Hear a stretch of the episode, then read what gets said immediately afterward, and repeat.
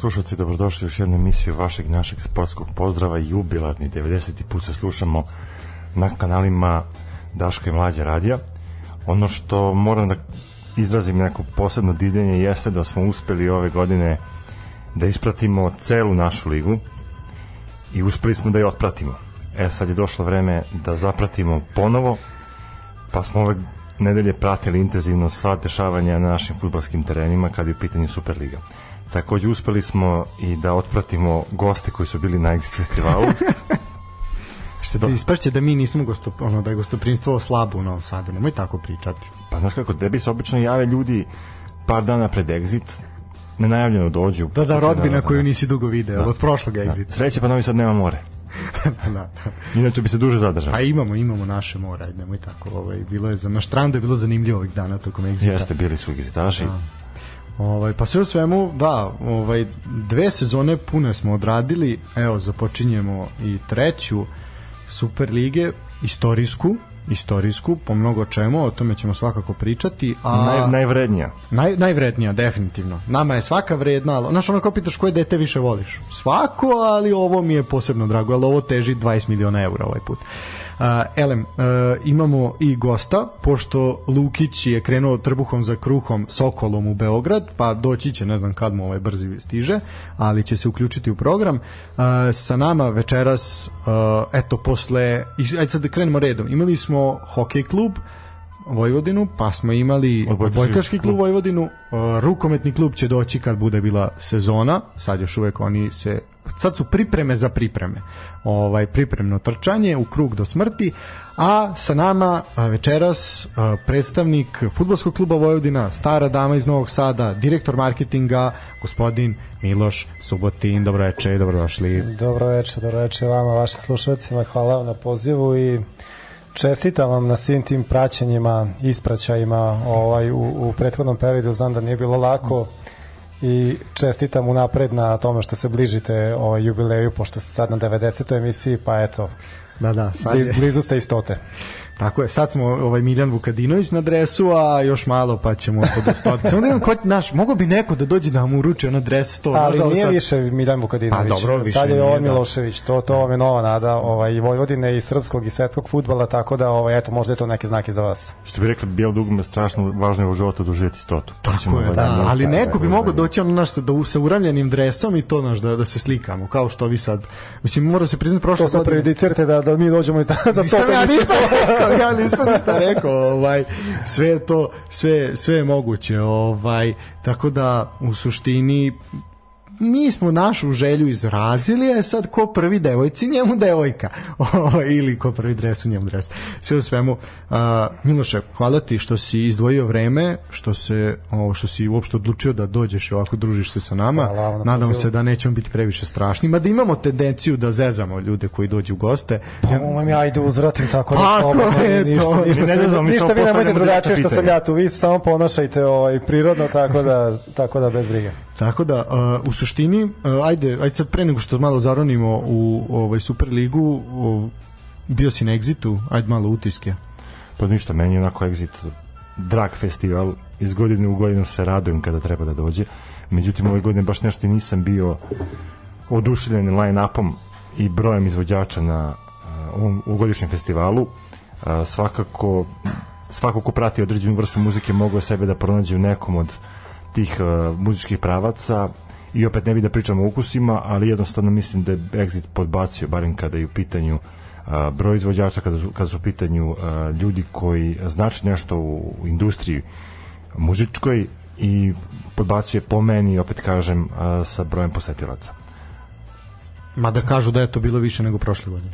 Pa mislim da je to malo naduvano. Ovaj, svako ko je bio zna da je uh, ovogodišnji festival poprilično opao sa brojem posetilaca u odnosu na prošlogodišnji. Dobro, dobro, ajde, ovaj, mislim...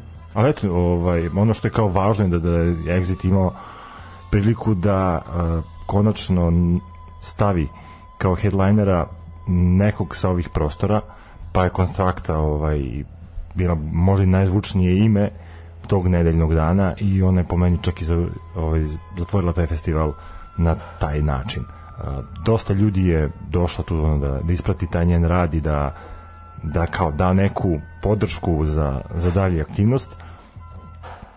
Tako da opet kažem ne bi da pričamo o, o muzici jer tu možemo da pričamo do sutra. Ipak je ovo emisija sportskog karaktera Možemo i o Superligi da pričamo do sutra. ali je najvažnije da smo uspeli eto da da izguramo sva ova četiri dana da ispratimo one izvođače koji su bili interesantni i eto što smo uspeli da, da otpratimo goste Dobro. Evo stigo je i Lukić, Lukić je tu, ovaj Lukić će malo sačekati sa uključenjem ili nećeš se javiti? Pozdrav svima, stigle su i mačke, čini mi se vidim ja uče nešto na terasi. Da, da evo, do, došla je da se nahrani. Dobro, dobit ćeš u pauzi i ti. A evo, Lukić će biti dobar, svakako ovaj, nećemo ti puno danas puštati da pričaš. i bolje Bolje, da. Samo da lupi, onda samo se devo, posle svake emisije se posvađa sa devojkom. Onda šta ti kaže Miloše, jasno te da da ni da, ovaj, ma da on, Ne mojom krivicom. Da, da, on, on krivlje da mu mi namestimo, a nije baš tako, ali dobro, nema veze. E, ove godine imamo i var Ove godine imamo i VAR tehnologiju pa ćemo da vidimo. Ovaj, sve u svemu, da, e, počela je Superliga e, i to ćemo sad ovaj početi da komentarišemo E, pre nego što, pre nego što krenemo sa komentarisanjem Super Ligi, ja bih hteo da pitam, da smo uspeli nešto da zaradimo od ovog prvog kola. E, da, što se tiče humanitar, humanitarnog tiketa, evo ako vas dvojica ste spektakularno podbacili, ti si već na prvoj utakmici podbacio, ovaj, ti si čučnuo na Pa vjerojatno Čukarički koji, koji E, svi... na Čukarički, da, da, Čukarički je, pa recimo pored mladosti je sigurno Čukarički iznenađenje kola, ovaj, ali dobro, to ćemo pričati o tom potom, a ja sam pao upravo na Vojvodini, ja sam pao upravo na Vojvodini gde sam očekivao da će Vojvodina dati još jedan gol, ali dobro, ne veze, možda sam ipak previše optimista. Ovaj, aj Lukiću, nećemo da prekidati. Šta sad, živi program, ajde, neće niko, sedi tu, uživa. Evo, to, pa najlepše kad sedneš na gajbu, jel da? Kad Ja nemaš gajbu, za na gajbu. stolice. Da, da, a što je najcrnije, seo si na praznu gajbu. to je još najtužnije od Da. svega.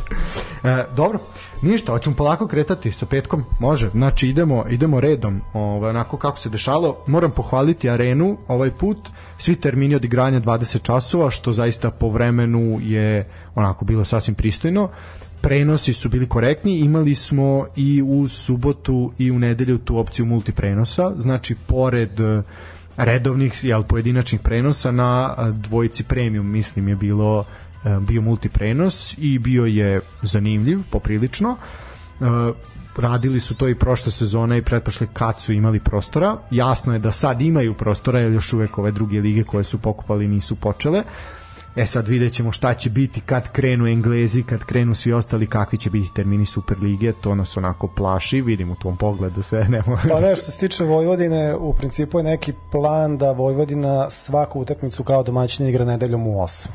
Uh -huh. Dokle god vreme to dozvoljava sad ako baš bude. Dobro, dok ne uđemo, ali mislim, je. ove sezone imamo spe, specifičnu situaciju i u tome što se prvenstvo završava početkom novembra.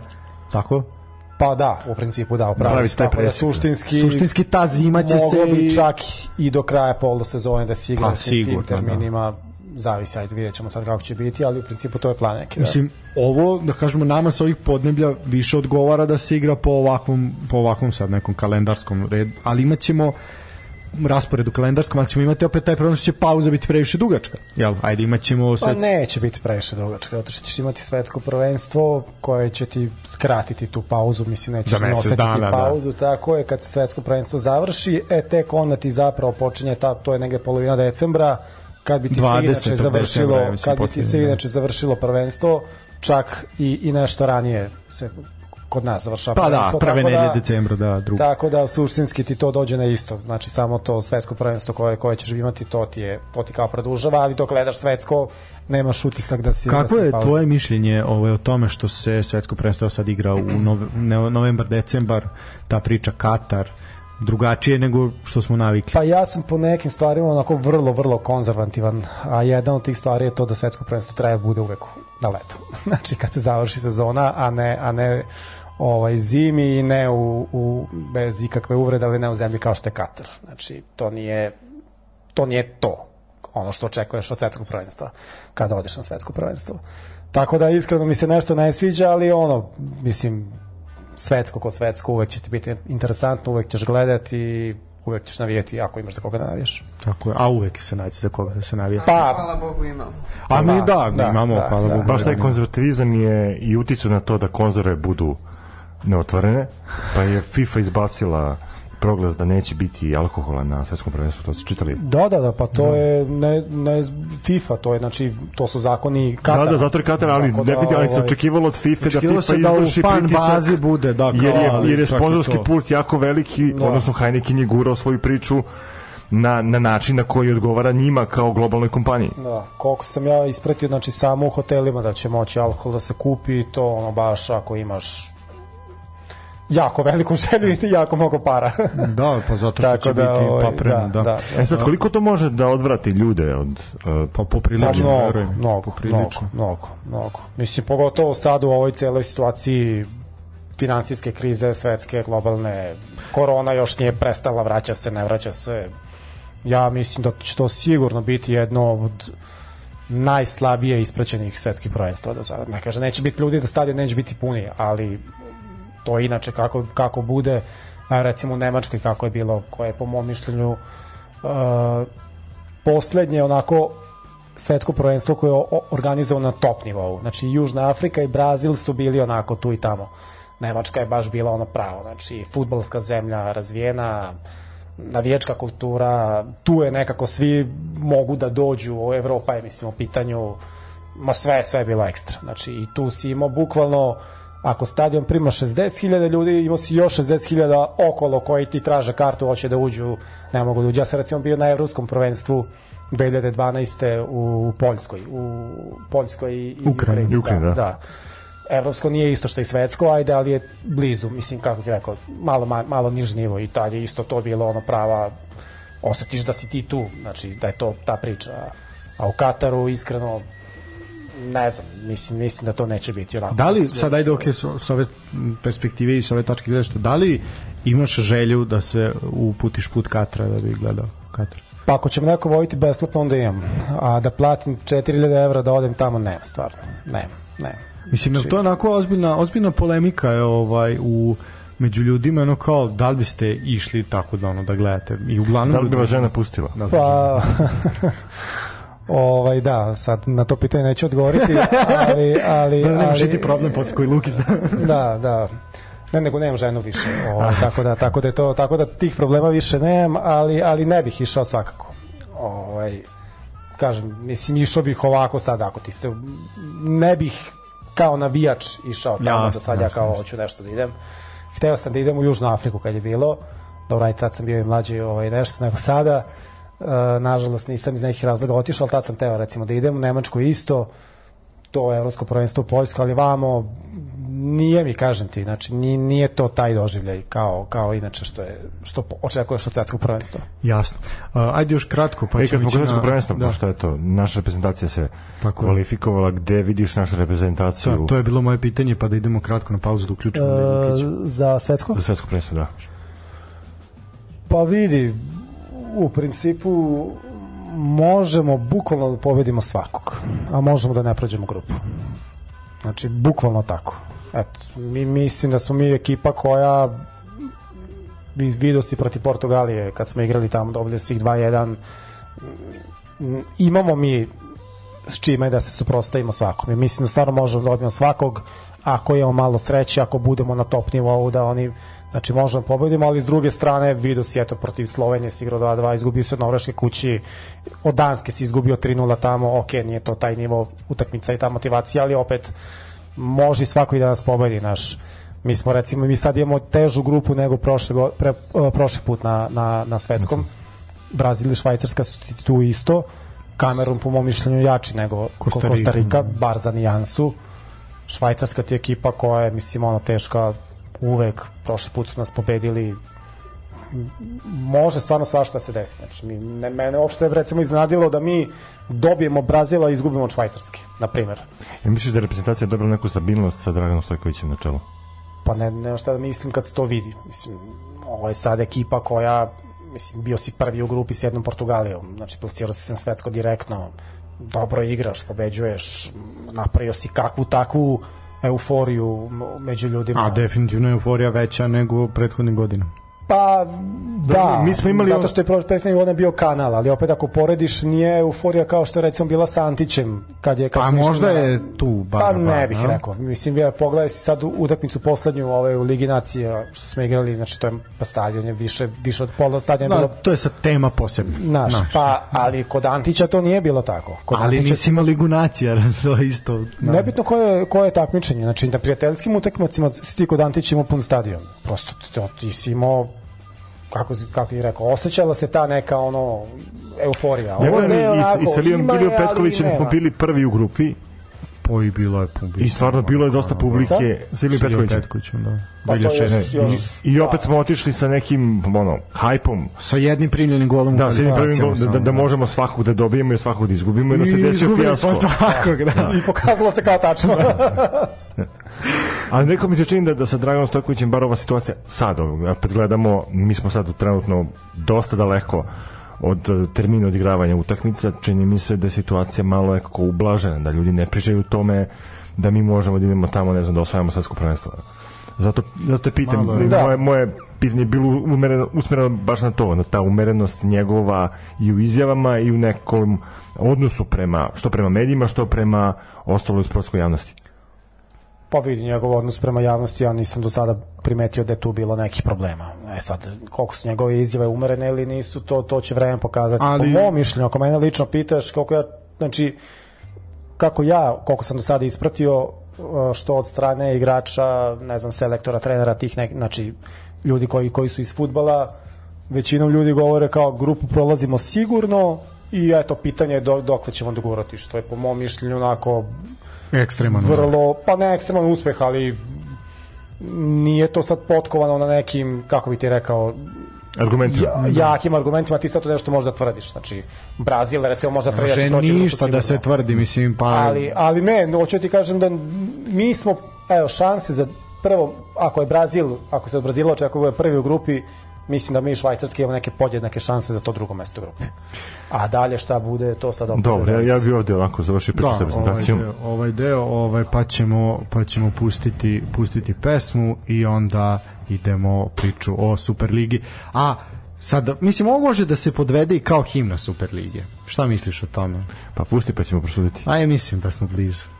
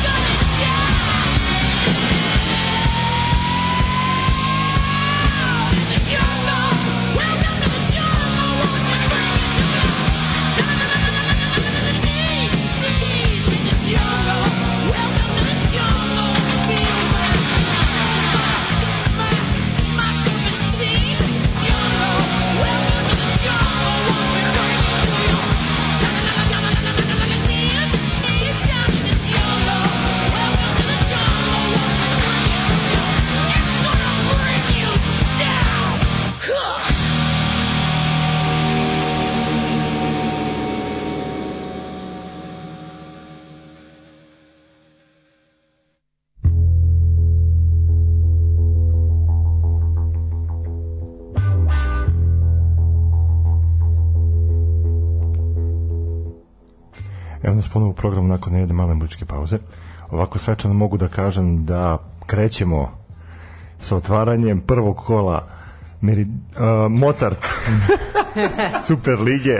Da, a ne, ali ovo je fazon. Aj, priznaj ovo je bacio fazon, fazon. fazon, jeste se fazon. fazon, zato što je Novosadski dnevnik pogrešio, pa umesto Mozart Bet Super Lige nazvao našu ligu Max Bet Super ligom. Pa dobro, ne, ne klade se ljudi. Fjordovska ne omaška. prate, ne da, prate. da, omaška, dobro, dobro. Dakle, uh, ovaj vikend smo imali najbrži cirkus ovaj koji se vozio u Austriji, a sad imamo i najzanimljiviji cirkus, a to je Superliga Srbije se vratila. Šalimo se naravno, to je naš najdraži cirkus koji mi idemo svakog vikenda. E, meč je otvoren u tačnije sezone, otvoren mečom u petak između Voždovca i Novog Pazara. Eto, Voždovac je ponovo kao i prošle godine imao tu priliku da e, Otvori otvori, prvenstvo. otvori prvenstvo i igrač Voždovca je prvi igrač koji je postigao pogodak u novoj sezoni. Prošle godine je to bio uh, Mihajlović, ovaj Milojević, izvinjam se. Ove godine ta a čast pripala Hajdinu. Pripala Stefanu Hajdinu, tako da pitanje na kvizu će biti ko je otvorio goleadu u Superligi. E, to je bio jedini meč u petak i što se tiče ovaj ove utakmice bio je debi. Imali smo specifičnu situaciju da ove sezone čak 10 klubova je promenilo trenere, ovaj što je onako ozbiljno i zaista jako mnogo klubova je bilo da su nepoznanica, da ne znamo šta da očekujemo. Iako smo mi pogledali i masu pripremnih utakmica, pod mi mislim ja, ovaj i opet nisam znao šta da očekujem.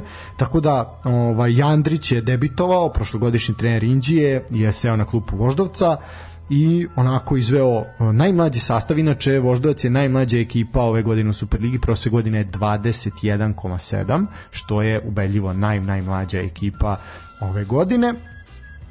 Što se tiče same utakmice, Pazar je dobro otvorio, imao je nekoliko zaista dobrih a, prilika. A, mlada zadnja linija domaćih je onako grešila, bila je stegnuta, dok malo znoj nije probila što bi se reklo.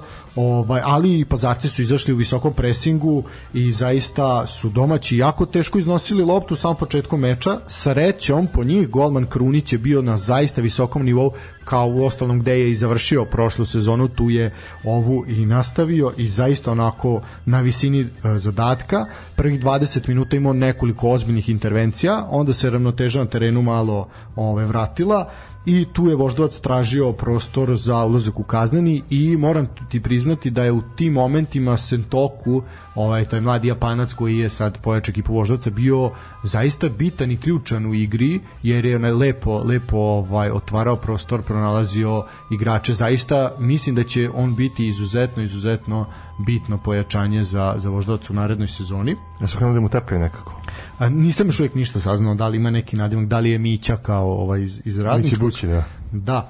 Uh, prvi korner na meču u 43. minutu bio je za ekipu Voždovca uh, na prvu stativu zaista lep lep centar šut uh, Hajdin je lepo odmakao odbrani, umakao svom čuvaru, zaista fantastičan trzaj glavu sa prve stative, poslao pored nemoćnog Kljajića koji je onako ostao ukopan ovaj, i 1-0 za, 1-0 za Voždovac onako, tu je malo, znaš, videlo se, ra, ok, radovali su se oni, ali videlo se da im je pao kamen sa srca, znaš, kao, uf, ono, kao sad je, znaš, probili smo, Krenulo. probili smo taj Prve, led, da, prve kao, utakmice su uvek teške. pa čak naš prvi ti neki momenti. E, otišlo se na odmor i stvarno je nakon u drugom poluvremenu je ta neka početna trema nestala. Krunić je imao još jednu lepu reakciju na samo otvaranju drugog dela. Uh, Ivezić i u Voždovcu je zaista bio svuda po celom terenu, znači dečko je pretrčao ono maraton. Uh, Lončar sa druge strane imao sličnu, slični zadatak u pazaru. Uh, Pantović je takođe jako lepo probijao, bio je tu isto jako, jako puno su svi trčali. I onda je dolazi do, dolazi do najbolje e, šanse, šanse na meču gde je Ivezić e, sa nekih pa recimo 5 metara ovaj šutirao onako mogao je i bolje ali Kljajić je odbranio nešto što nije odbranio tokom svoje čitaje karijere znači nije iz najboljih dana kad je bio kad je bio ovaj u Partizanu. Zaista fantastična fantastična parada. E, tu je ostala neka Bio- nada bio, za Izvini, bio je dosta dobar Kljajić u petak. pa jeste Mislim, ali nekako i kod onog gola... Nije on tu ništa je mogao, da. Nacrtana, nacrtana je bila takva akcija i onaj trzaj glavom jednostavno, ja mislim da slažem se da on to ništa nije mogao ali opet je držao svoju ekipu koliko toliko u nekoj šansi da uzmu makar bod jedino da je ušao Thibaut Courtois u njega možda bi skinuo to, eto. Pa možda, da. Ali s druge strane Krunić je sačuvao svoju mrežu i zaista je imao Pa oba nekoliko... golmana, da kažemo, su bili na nivou. Pa tako je, s tim da eto Krunić je uspeo da sačuva čisti čaršaf i što bi se reklo, ostalo je 1-0 i zaista onako e, s jedne i s druge strane mislim Jandrić je zadovoljan jer je ovaj prva pobeda i njemu debitanska u Superligi, ali čak ni Gaćinović nije bio toliko nezadovoljan je rekao ok, imali smo 6-7 šansi, nismo dali gol, šta sad, ne može se, ne može se pobediti. Ovaj, e sad, Miloše, si ti uspeo da ispratiš malo, ovaj, šta očekuješ od ove dve Pa nisam ekipe? uspao sad, kao da jesam, evo sad kad sam drago slušao, sad tačno, tačno kompletnu sliku je šta se tu izdešavalo, tako da ovaj, apsolutno ne moram, ne moram ni, ni Hadlice da pogledam. Pa znaš kako, ja ne mogu ti ovaj, sad uh, reći nešto previše, pošto ne poznajem sastave timova sad jednog i drugog tima, ali ti mogu reći ovaj, to da, da su Voždovac i Novi Pazar uh, kao klubovi dva potpuno, potpuno različita sveta. Ali to ne, ne sveta, nego univerzuma, bukvalno. Jer Voždovac je klub, ti sad spomenuo kao pao im je kamen sa srca, ok, naravno, svako hoće da pobedi, sve to stoji.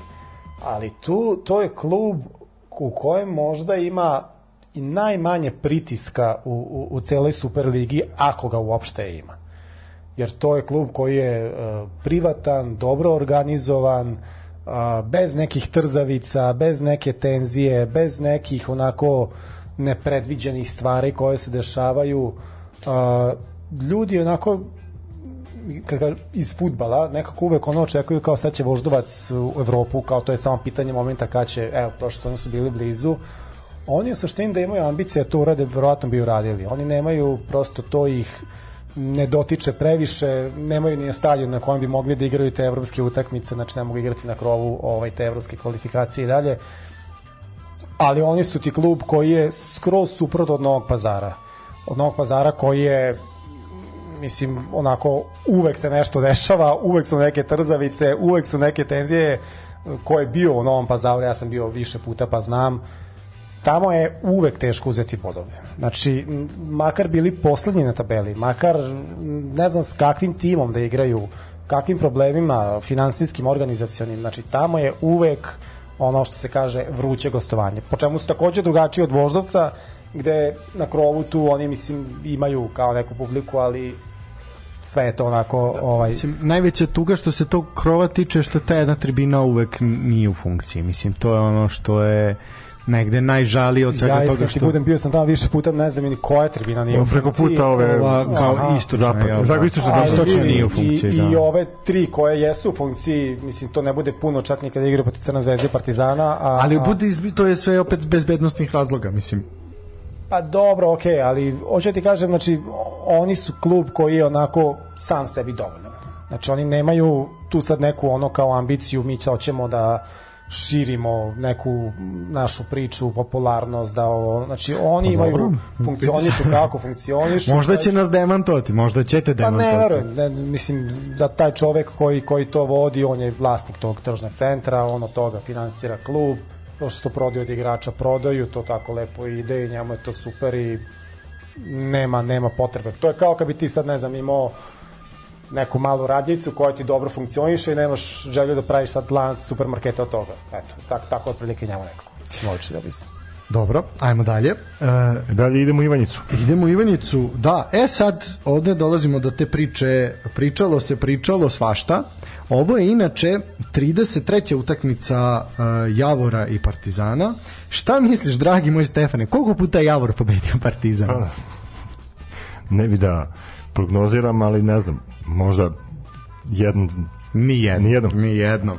Da, znači dva, sa ovom jelu iz, od subote 28 pobeda, pet nerešenih, a eto Javor još uvek bez, bez pobede protiv Partizana. E, teren je bio problematičan i čak par dana je par dana pre same utakmice je potpuno plivao, znači bilo je opet ta drenaža u Ivanjici je problematična.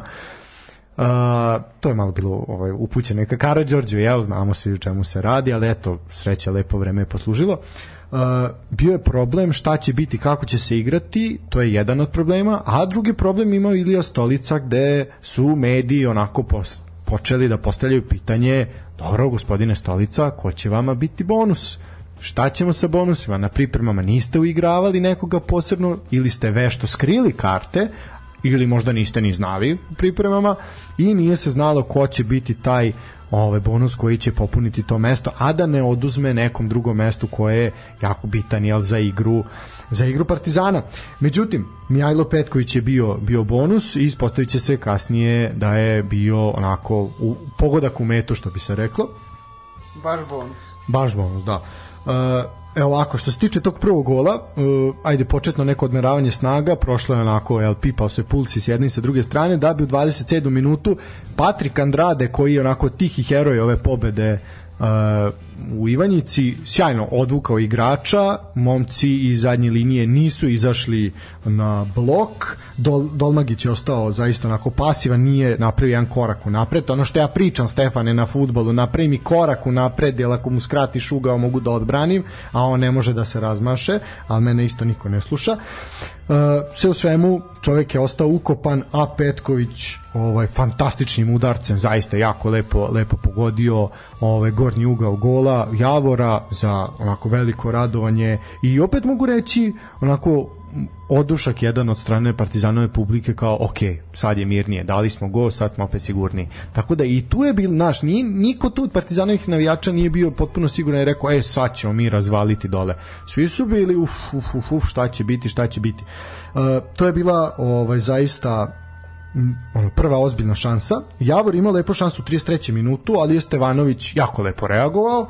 Uh, zatim tu je Luković nadskočio Filipovića, ali je ovaj lopta otišla išla onako pod prečku, a Stevanović je Stevanović je pardon to odbio. Uh, Menig je pokušao Makazica u 45. minutu, to je to isto što se tiče prvog poluvremena, međutim nije to bilo nešto preterano teško za golmana za golmana Javora.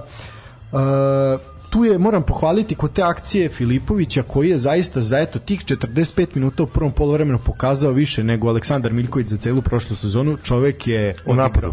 Da, da, čovjek je odigravao iz prve, spušta glavom, igra sa obe noge, znači pozicioniran, ima centar šut. Zaista onako nešto što dugo nismo videli u Partizanu kada je taj desni bek u pitanju, a boga mi i u našoj ligi je to bilo onako od Miroslava Lićevića po, problematično, poprilično.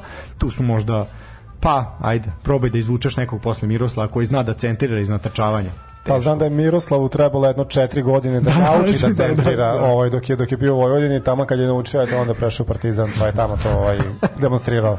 Tako je, ali eto, ovaj, pored njega... Ali ovaj, ne, ali sad šalu na stranu, da. mislim, Bulićević realno jeste, jeste. u svoje vreme bio najbolji bek u ligi, Definitivno. tako da mislim, bez obzira na, bez obzira na taj nedostatak, i to kažem u periodu dok igra u Vojvodini još kad je po mom mišljenju bio čak i bolji nego Sećamo nego se gola gola Bursi na Karađorđu.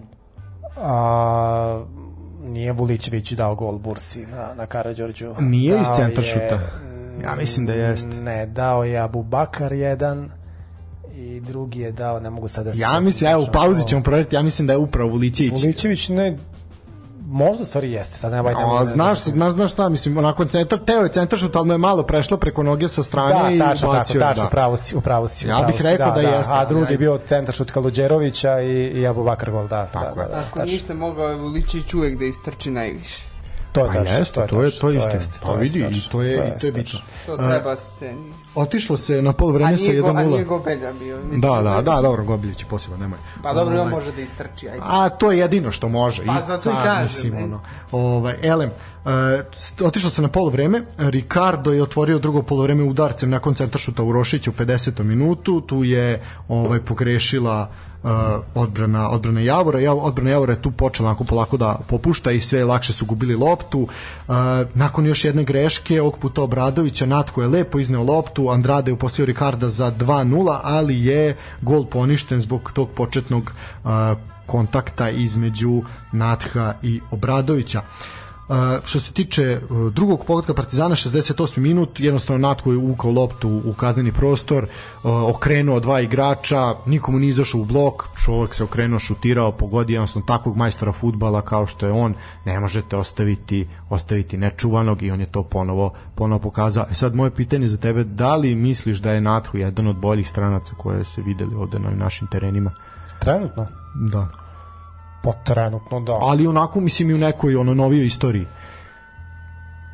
Pa, pa to, može se to je sad, dosta. da, to je teško jako sad treba bi se napraviti neko poređenje, teško je, mislim, teško je to sad reći, ali u svakom slučaju trenutno jeste jedan od boljih. Trenutno da.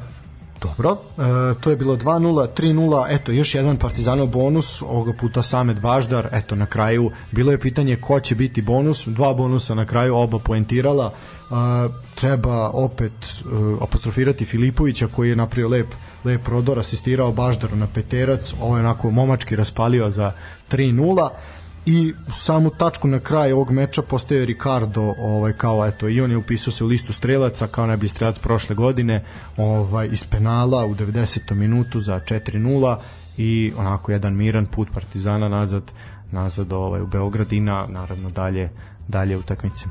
Šta očekuješ od Partizana ove sezone? Eto Ilija Stolica bio je u Vojvodini. Ovaj šta misliš da može s Partizanom da uradi? Pa mislim Stolica neće dočekati novu godinu na klubu Partizana, iskreno Ovaj, ja sam se, mislim, ništa lično protiv čoveka ne, ne, nema. Okay, znači, zanima, da, da, ne, pričam ovako iz stručnog ugla. Pa iz stručnog može, ugla, pa može. ne, eto, pogledaj, mislim, on je bio u Vojvodini, nije napravio ništa, bio je u Olimpiji, nije napravio ništa, bio je selektor mlade reprezentacije, nije napravio ništa. Znači, jedini uspeh imao u Voždovcu gde je bio sedmi. Mislim, pa, razumeš, da, on, on jeste, nad zvezdom, da. on jeste, pa dobro, ajte, sad mislim, ako je to ne, ne, neki, neko merilo uspeha, onda okej, okay, ali... Tako, mi kad smo analizirali on je, ovaj, on je što... njegov, njegov rad, došli smo do te situacije da je njemu ta pobeda protiv Zvezde možda i kruna karijere, iako je bio pa, ne, u Vojvodini, sigurno, iako je bio sigurno, sigurno. ovaj selektor mlade reprezentacije. On je ovaj on je uh, modern trener u smislu da on voli da njegova ekipa, on je on on se ugleda pod znacima navoda na Guardiolu. Znači njegove, ono će njegova ekipa igra tako do noge sve da sa tim mnogo pomeranja da, da se maksimalno ovaj uh, iskoristi svaki pretrčani metar na terenu. Znači on jako on to dobro kapira u tom smislu. Ali on nije za srpski fudbal. On on je jako onako ovaj uh, malodušan, jako lako klone. Ja, zašto je ovo crno, zašto nije belo, zašto je sad sunce, zašto nije kiša, zašto ovo Znači, u, a u srpskom futbalu ti tako da, da funkcionišeš, pogotovo u Partizanu gde je pritisak ogroman, ja mislim da oni nisu imali koga boljeg da dovedu.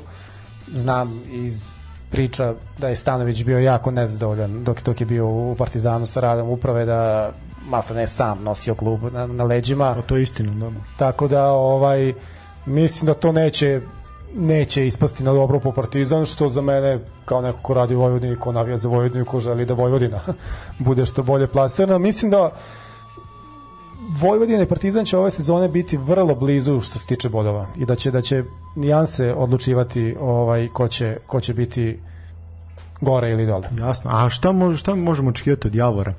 Javor je, da kažemo, najveći mali klub, pet puta ispadali, pet puta se vraćali, šta možemo, mislim oni su isto negde je moje predviđanje da će to biti grčevit bor, borba za opstanak, grčevita. Pa vidi da se ne uvredi kolega ovaj koji im sjajno vodi Twitter, da. ovaj ja bih ipak voleo da Javor nije u Superligi jer tamo onako dok dođeš do Ivanjice, pa tamo onaj stadion njihov, mislim, Teško gostovanje. Teško gostovanje. Pa i daleko svako, gostovanje. Ne, I pa daleko, teško, daleko. teško da, to sam mislio. Da, to sam mislio, da. Ovaj, ja sam uvek više za to da veliki gradovi, za Smederevo, da ima superligaša, da ne znam, ajde u Zrenju sad ni nema ni kluba, ali ne znam tamo uh, Čačak, uh, ne, sad u Srbiji tamo ne, da ne nabrajem sad mesta, Jagodina na primer i tako dalje, ovaj, nego Ivanjica, ali Javor ti onako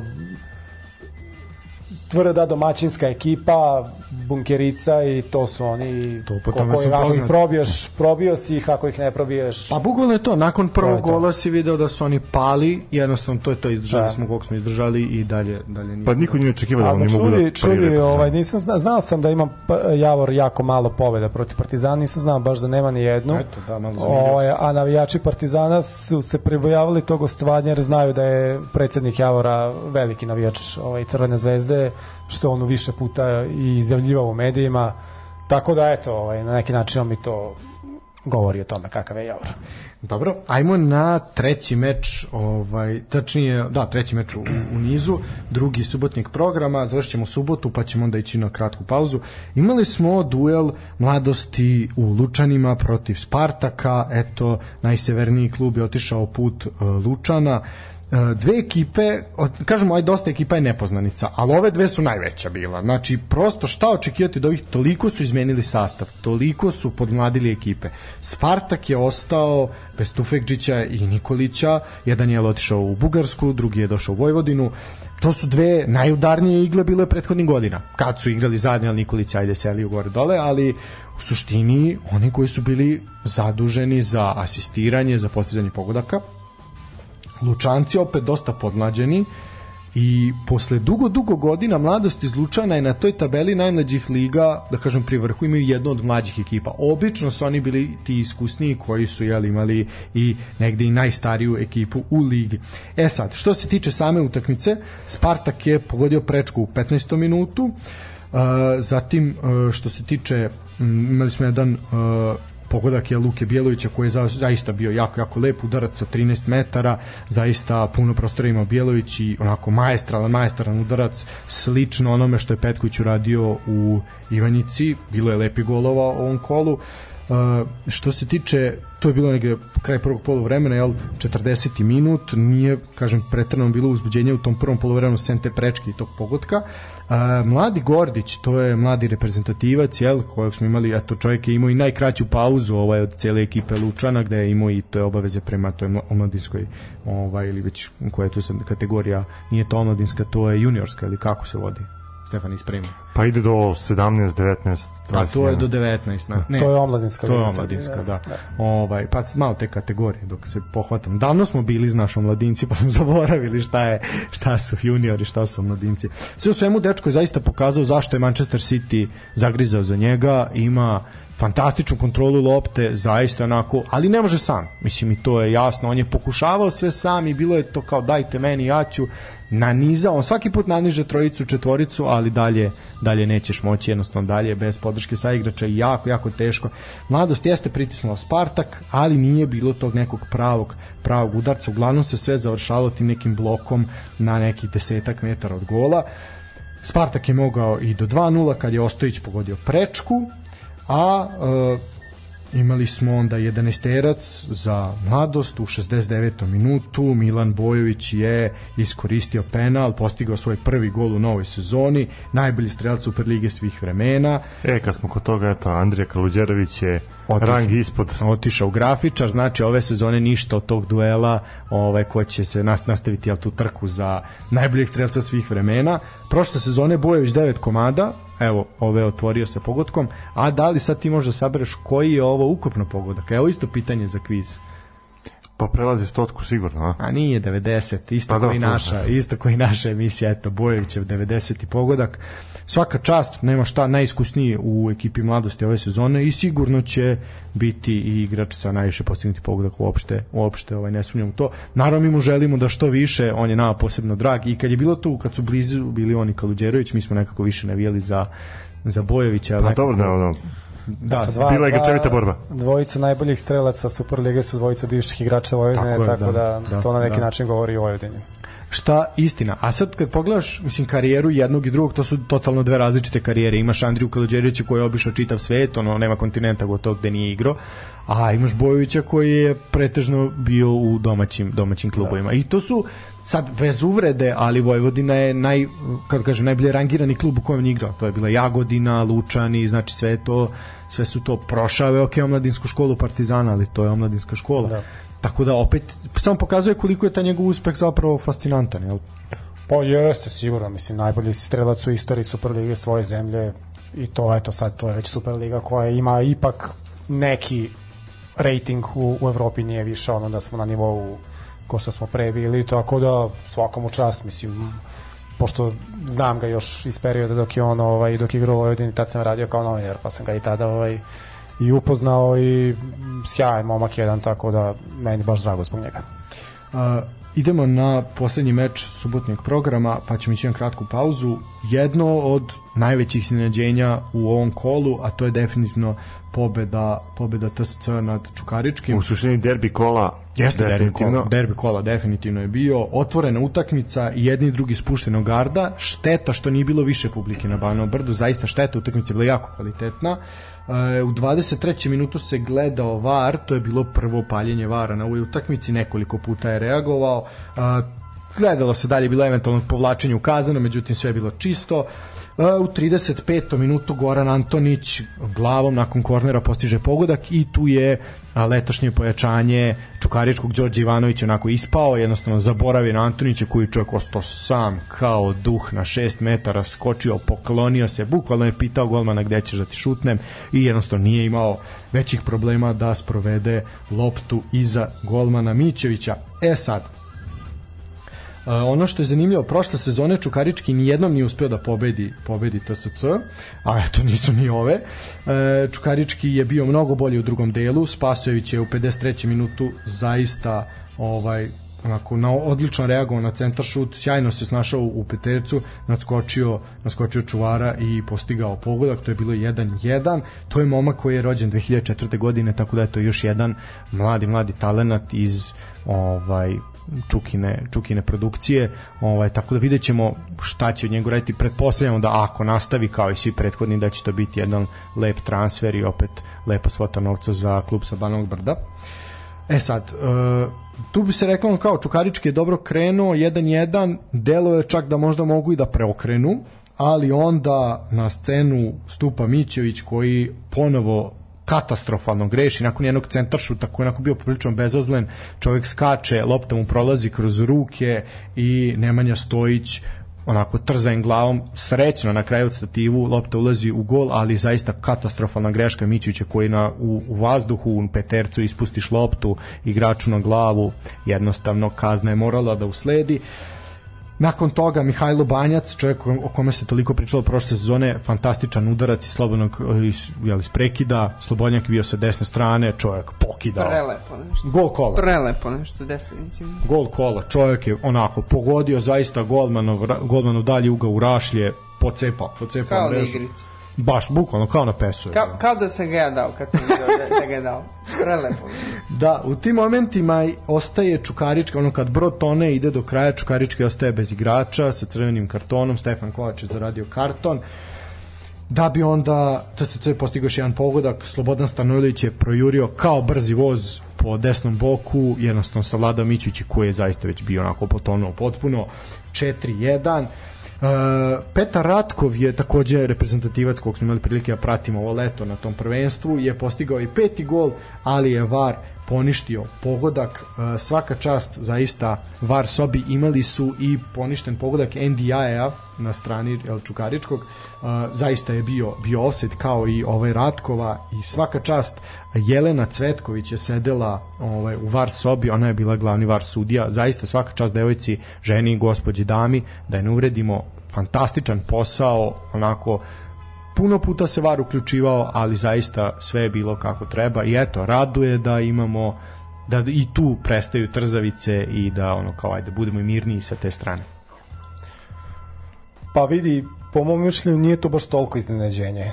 Ovaj, TSC i Čukarički dve ekipe koje ravnopravno konkurišu za Evropu. Samo ajde sad da ti ispravim da ne bude iznenađenje da je baš Čukarička ovako potonuo. Nisam očekivao da će ih baš ovako pocepati po šalovima. Pa, dobro, to da. to da, to možda da, ali znaš kako to, kako ti se utakmica otvori, kako ti krene, znaš, sad sutra da odigraju novu utakmicu, možda bi bilo taj rezultat Čukarički, znači prosto, to su dve ekipe podjednakog nivoa, dva dobra kluba, znači za srpske uslove dva dobra kluba organizovana, a, Čukarički možda ima malo za nijansu kvalitetniji sastav, pogotovo što su sad ovog leta dobro, dobro i pojačali i ima to neko iskustvo, odnosno taj neki kontinuitet učešća u, u Evropi, odnosno učestvuju sad poslednjih ne znam koliko 7-8 godina malta neredovno Ovaj... Pokazalo se sad u prvom kolu da su i dalje ne, ne uigrani. Ova ekipa koja je sada Pa znaš, ja ne znam sad Čukarički nekako često pravi po mom mišljenju čudar, ču, čudan odabir trenera. Znači, evo sad ovaj Kerkez koji, koji je sad trener, znaš, ja ne, ne, nisam iznenadim se svaki put kad vidim ko je novi trener Čukaričkog. Znači, malta čak i sa Sašom Ilićem tako bilo koji je tad ovaj, se dobro pokazao. I, uvek je neko ime koje nije poznato toliko Tako je, znači Dušan Đorđević je, pre, pre Saša Ilića bio Dušan Đorđević, koji je trener radnik sa trener napretka, koji je u Vojvodini bio asistent, uh, mislim, kod Veselinovića. Znači, i tako naš, nekako je ovaj, A eto, na primer, Đorđević, čovjek sa najboljim procentom ovaj pobeđenih utakmica za Čukarički u istoriji. Znači ima bolji procenat Da, uspešnosti da. u odnosu na Latovića, na primjer, koji je Da, da, da, da, da. da. Tako pa, da- Ok, znači, kažem, ja samo kažem da meni nekako uvek za trenera Čukaričkog obično dolazi neko neafirmisano ime, što se ne, mislim, nedovoljno afirmisano ime, što ne bi očekivao za klub koji je treći ili četvrti u Srbiji. Znaš, tako da, ovaj, Ali- ali, ok, Ali do sad su manje, više, mislim, više su pogađali nego što je bilo promašaja. pa jesu, jesu, jesu. I to je tačno. I to je tačno. Mislim, sad ćemo vidjeti, naravno, ajde, okej. Ali prvo eto, sad, je, da. eto, mislim, izgubio si prvu utakmicu kući, ubedljivo, znaš, ako to ne bude krenulo kako treba, Naravno, morat će vrlo oni da, da desiti. reaguju. Da. A, ajde spomenuo sam Lalatovića, idemo na kratku pauzu. Otišao je Lalat u Banja Luku, pobedio je prvu utakmicu ekip, prot, e, to su kvalifikacije za ligu konferencija protiv B36 iz Toršavna. 2-0 je bilo, a, ekipa borca je igrala u Modriči, nisu igrali u Banja Luci ali 2-0 uh, bilo je tu dosta poznatih likova ovaj, sa naših superligaških terena eto Goran Zakarić je čak bio jedan od strelaca ovaj, Benjamin Tatar je postigao prvi gol aj sad već kad pričamo o strelcima Tako da, eto, šta očekuješ ovaj od namo da je Lalatović si u srcima svima kojima u Vojvodina ovaj nešto Pa znači. nije baš svima. ne, to ne kažem zbog sebe, meni je on jako drag, zaista, ovaj, bez Ali- obzira na sve, zaista mi je jako drag i sad smo se i videli kad smo bili u Sloveniji, igrale Vojvodina Da, borca i da. mislim, ja mu želim sve najbolje.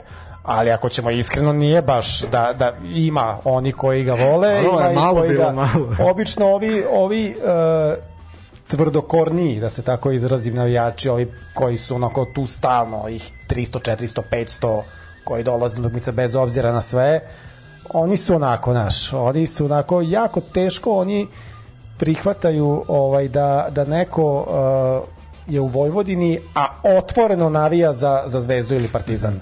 Ti onda moraš biti baš, baš, baš onako, mislim, on jeste ima uspehe i osvoje kupi najviše pobjeda i svaka čast, ali moraš ti još više od toga raditi da bi, da bi ti nekako njihovu naklonost dobio. A ovi ovako, da kažem, simpatizeri koji čas dođu, čas ne dođu onako tu, ta, kako tamo, e oni oni ovaj njima se sviđa ti njegovi nastupi ta njegova energija facto ta je showman, da, to to, mislim, to nije sporno šta, uopšte da. to nije sporno uopšte ovaj a što se njega lično tiče ja pa mislim da mogu da osvoje titulu u Bosni iskreno mislim da mogu da osvoje titulu ovaj ove će proći te, te, fa, te, te farane ovaj kako se zove nisam ja samo da Lukić, Lukić. Sprayhouse, Lukić, Lukić, Lukić Sprayhouse, da, s navikić smo. Ovaj, Menjamo studio u petak, tako da nadamo se da ovakvih ekscesa više neće biti. Misliš da ćemo biti profesionalni? Misliš da je do prostora, a ne do onih koji sede u prostoru? A ja mislim da je do Daške mlađe. da, prebaci se na njih, super. ovaj, Elem, da, Ovaj. što se tiče Lalatovića u borcu, lepo je dočekan, mislim što negde je očekivano, ovaj, a ima on tu neku harizmu i uopšte privlači fokus ovaj, i medija i pozornost javnosti Pa na ne, sebe. to ne, mislim, ja, pošto znam i pričao sam s njim i tu ljudima i imam neke ljude koje poznajem u Banja Luci, mislim, on tamo kad izađe na ulicu, to je to nema da on sad prođe kao neko i da, da ga niko ne dira, mislim, to je non stop, može slika, može ovo, može ono, i u krajnjem slučaju bar da mu se jave ili, znači, on je tamo, mislim, kao, ne znam sad kao s kim je uporedio, kao Ronaldo, mislim, otprilike. Ovaj, tako da, eto, ja, si, ja, ja mu stvarno želim se najbolje. I njemu i borcu. ličnost svakako. Pa jeste. Gde god se, gde god se pojavi privuče pažnju jednostavno I ima, je žao, ima neku auru. Nije ja ide. samo ispričan scene, to mi smo bili dok je on bio trener Vojvodine, uh, igrali smo mislim na Zlatiboru ili, ili negde tako, pa smo u povratku tu kao stali, mm, ne znam, na klopu neko ili nešto piće, ne, ne, ne bitno, ovaj, u neki motel, gde je igran slučaj bila svadba tada. I verujte, znači 30 ljudi sa svadbe je izašlo kad su vidjeli da je on tu i sad oni čekaju u redu da se slikaju s njim. Pritom garantujem da to nisu bile sve navijači ni Vojvodine ni, ni Zvezde. Znači to, to je nebitno uopšte ono, znači to kao e, hoću da se slikam s njim. I Da, to je da, bukvalno duže red red, ovako, slikanje nego sa mladencima. Da, da, da, da, znači ljudi su čekali po 20 minuta da, duže nego da se slikaš s mladencima, tako da ovaj, on je, on je ovaj, definitivno ono, Znaš, a, a sad da pitaš te ljude, tih 30 ljudi koji su čekali ovaj, da se slikaju s njim, garantujem ti da ima bar nekoliko njih koji, koji nemaju dobro mišljenje koji će ga opet pljuvati kao e, ovakav je, onakav je, ne znam šta, ali kad ga vide, e, može slika, može. Čisto da ima. Tako ja se da, samo nadam ovaj, da nije bio u fluorescentnom prsluku, inače bi promenio dress kod za odlaska na svadbe. Da, da, ovaj, pa da ne bi dobro ispao na slikama. Ne, baš nije, to, ali mogu ti reći za taj prsluk me gomila ljudi pitalo ovaj, ono da im nekako nabavim ili, ili šta već. Znači, taj prsluk je postao... Ne, to je bio trademark njegov, da. Pa jeste. I obzirom da ne, je ta, da u to vreme kao- bio, kao- bio u Vojvodini, da je Vojvodina tad imala Mene pitaju, tu možda boju, da to je nabaviš to. onaj prsluk što Lalat nosi. Pa ja, ne su to samo Lalat, znači to, to, to, to je za stručni štab, mislim kako za ljude, ovaj, ali on je to, da, to je, tako eto, uz njega je išlo i Bila je, sad je Mozart je imao akciju gde se, ovaj, dok je bio u, u Kragujevcu, jel, na kraju prošle sezone, gde su delili, delili te prsluke gde piše NL, jel, ovaj, Da. sa Mozartom, tako da je to zaista simpatično, onako, Pa, simpatična eto, akcija. eto, eto. Ništa, ajmo na pauzu, pa ćemo pričati o nedelji. You ain't nothing but a hound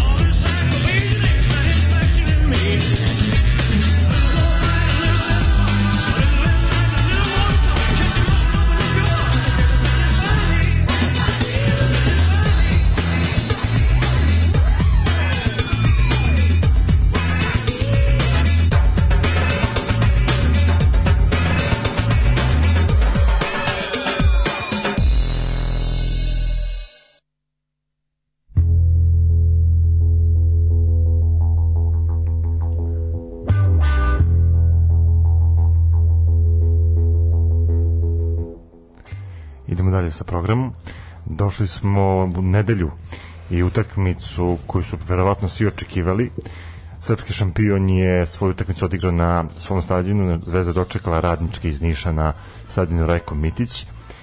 I eto, Stanislav, ja tebi prepuštam, pošto si krenuo ovu emisiju onako silovito, objasniš šta Kao se i Zvezda, kao i Pa, kao i Zvezda. zvezda.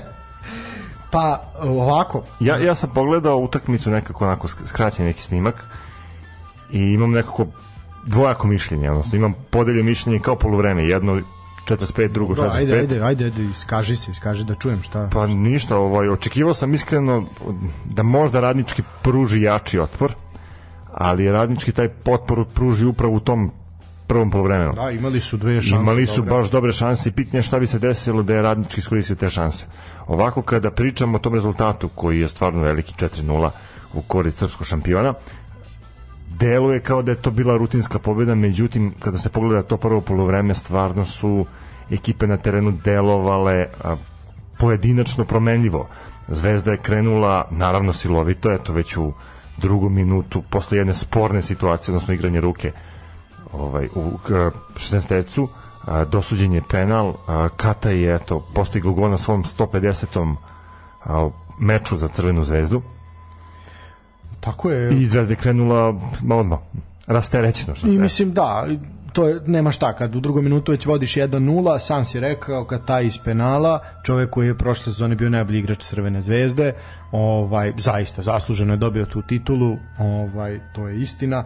Uh, nije imao konkurenciju ovog puta pre, to, pre, prethodne godine zaista je Ivanić bio na mnogo boljem nivou nego prošle godine ali Kataj je ovaj put zaista ovako bio, bio jako dominantan 1-0 nakon penala. Uh, imao je tu radnički zaista dve, dve lepe šanse i to je čak i Tomislav Sivić jel, trener radničkog rekao da je on zadovoljan da su pružili dobar otpor jednostavno Zvezda je iskoristila njihove njihove greške kao što takav tim kao što je Crna zvezda ne prašta ovaj jednostavno ali pohvalno je s jedne strane što je radnički ušao spuštenog garda u utakmicu i zaista on kao da je došao se- da se ne igrava sa Pa jeste, oni su pokazali koji je njihov njihov maksimum u ovom momentu, imali su te dve šanse, s druge strane su Kangva, Bukari ovaj, pokazali da su za našu ligu za sada solidna pojačanja, vidjet ćemo koliko će ovaj, tokom sezone i ono što je Zvezdi najbitnije u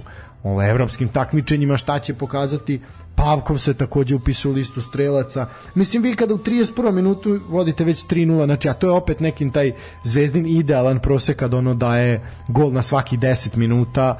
Nema tu šta da pričamo. Mislim, to tako šampion počinje odbranu titule i to je jednostavno, jednostavno tako. Uh, Drugo polovreme malo manje zanimljivije. pa nema šta. mislim, Zvezda je držalo loptu u svom 3-0 vodiš posledu. na polovremenu normalno smeš zaletati na prvoj utakmici, mislim ne ganjaš se sta- statistika, nije tu sad nešto ovaj da se napucava gol napucava gol razlika, znači igramo koliko nam je dovoljno da ne bi došlo do povrede, do nečega, sveži smo iz priprema, sve je to donekle, mislim tek to je tek prva utakmica treba da se odigra 30 i nešto utakmica do do ovaj do pauze tako da zaista će biti biti ekstremno ekstremno naporno.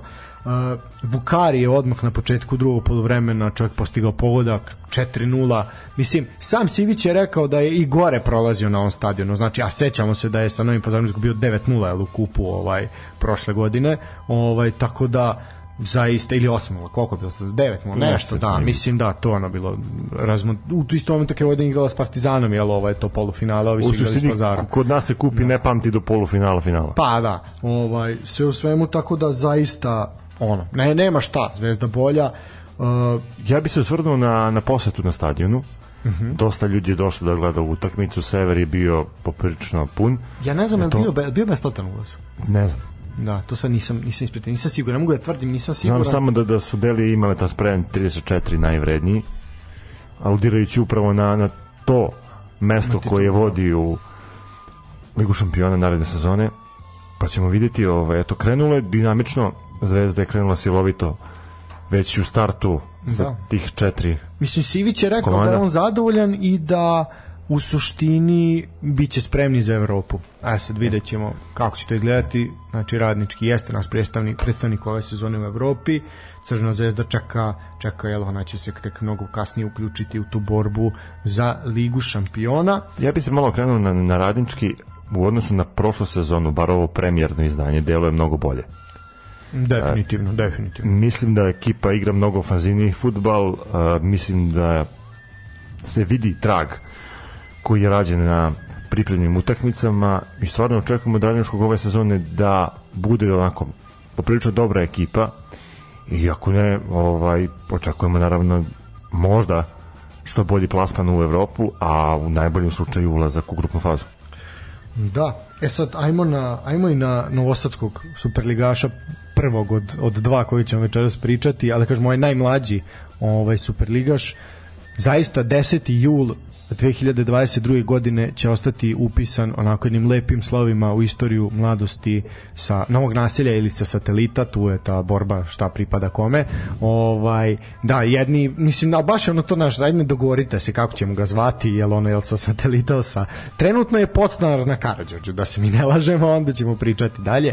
Šalim se, naravno, mladost, poprilično neočekivano, nisu bili favorit, bili su daleko od bilo čega, niko im nije baš ni bod nešto pridavao, jer radnik je onako se zaleteo u novu sezonu sa Lintom, sa dobrim povećanjima, onako uložili su dosta para u ekipu, međutim, eto, nekad nekad to ne igra ulogu zato i volim ovaj sport zato što je upravo tako da bogatiji ne pobedi uvek. Ovaj eto mladost je pokazala zube i ne samo pokazala zube nego je pokazala i mišiće. Zaista onako odlična odlična ovaj predstava Novosađana bilo je nekoliko dobrih šansi znači Mislim da je utakmica mogla da ide komotno preko, Moglo je. preko 7 golova. moglo je vidi četiri komada je mladost mogla dati lagano znači zaista kažem opet kojim god rezultatom da se završilo istorijska je ali na ovakav način zaista je još mnogo lepše Milan Mirosavljev je prvi strelac za mladost u Superligi Andrija Radulović je podigao na 2-0 golovi su pali u 16. i 55. minutu šta reći ovaj ovo je sad ako gledamo, mislim pošto ajde bila jako kratka pauza između dva prvenstva, ovo je kraj uh, ra, serije radnika od osam mečeva bez poraza u prvenstvu, eto ovaj put su kiksnuli odmah na startu, zaista je radnik bio nepovezan, bezidejan, konfuzan, uh, nije se negde moglo ni nadati nekom boljem ishodu i eto, e, puno je posla pred Lintom, vidjet ćemo ovaj, kako će kako će to sve izgledati do kraja. Sve u svemu imali su čak i igrača manje, međutim ovaj čak i pri sa tim igračima manjim su mogli na kraju do nekog izjednačenja, ali eto na sreću ekipe iz Novog Sada nisu nije mladost poklekla tom nekom neiskustvu, nego eto ipak je malo i sreća sreće pogledala uh, debitanta u Superligi. Što se tiče uh, same, sami golova, gosti su pojeli u 16. minutu, uh, zaista je mladi, inače eto bonus futbaler, ovaj radnik iz Surdulice je pogrešio, ovaj da uključit ćemo se Lukiću kasnije se na rekli smo počeli da pričamo. Ovaj u 16. minutu su je momak pogrešio tamo gde nije smeo. Uh, fantastični Novica Maksimović je zaista odigrao jednu jako jako lepu lepu utakmicu. Uh, bivši bivši igrač Vojvodine, jel? Ovaj veliko pojačanje za mladost, mora se priznati.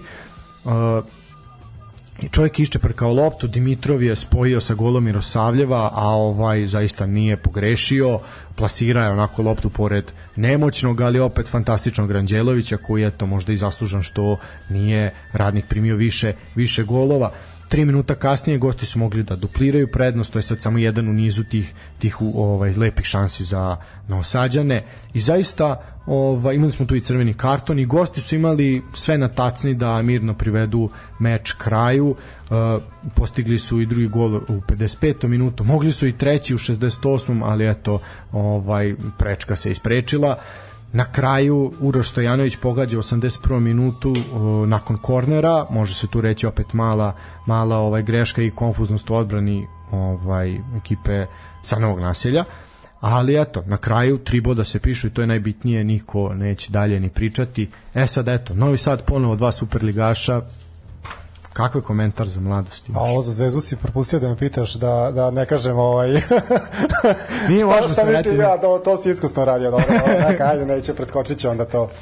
Ovaj, Ne, slobodno. pa, Slobodno, ne, ne, ne, ne, ne, Znači, neću, neću da ljudi- kasnije zatvore emisiju ovde da bude ja sam nešto kriv. Uglavnom, uglavnom ovaj, to funkcioniše po principu šta na um, to na drum, tako da slobodno. aha, dobro, dobro, To dobro. je, to je ta čar ovaj, eh, podcast. Underground novinarstvo. Ovaj, kako se zove, pa Novi Sad je imao, imao dva superligaša i ranije, mislim dok je Proletar bio tu, sad ima mladost. Po mom mišljenju u ligi sa 16 klubova ok da Novi Sad ima dva, dva kluba u Superligi. Po mom Sad, mišljenju. najgluplje pitanje ikada, ali to je zaista se prošle godine to protezalo. Da li Novi Sad ima kapacitet za tri superligaša? Za tri ne. Za tri ne. Mislim da to svima jasno. Ne, u, to je u ovoj je ne. Ako bi se možda infrastrukturno pojačali, možda bi mogo da... Po mom mišljenju ni Beograd, ajde Beograd 4 do, do 5 klubova u Superligi treba da ima maksimalno. Pa sad imaju Maksimalno. četiri, sad imaju četiri. Da. Da, Pa ja mislim, Mislim, ne pamti kad su imali manje klubova Beograđani nego sad. pa da. pa ja mislim sa ovim trenutnim stanjem stvari da je četiri sasvim dovoljno. Slažem Da, se, da. slažem se. Da, da bi eventualni pet i nekako... Pa eto, ali vidi, ima se dve ekipe u baražu koje su dve e, beogradske ekipe, pa nisu nisu dobro prošle.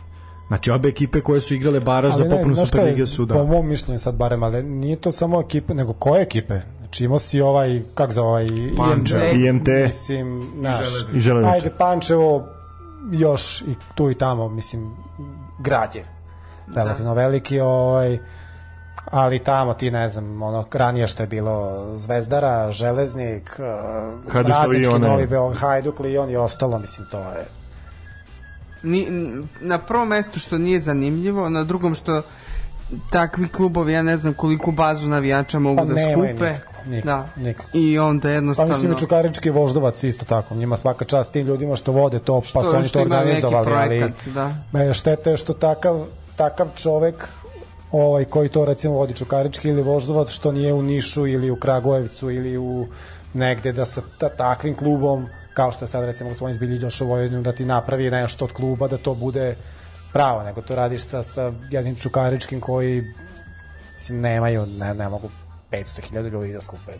Ne, nemaju oni navijače. Znači, ti koji kao navijaju za Čukarički su zapravo navijači nekog drugog kluba, pa kao ono usput podržavaju Čukarička. Ali nemaju... Kad njihov voljeni klub ne igra u Tako Beogradu tu utakmicu, onda će otići pogledati Čukarički, ako ne igra taj dan, jel? E, dobro. E, šta misliš, da li mladost može da opstane u ligi? Pa teško.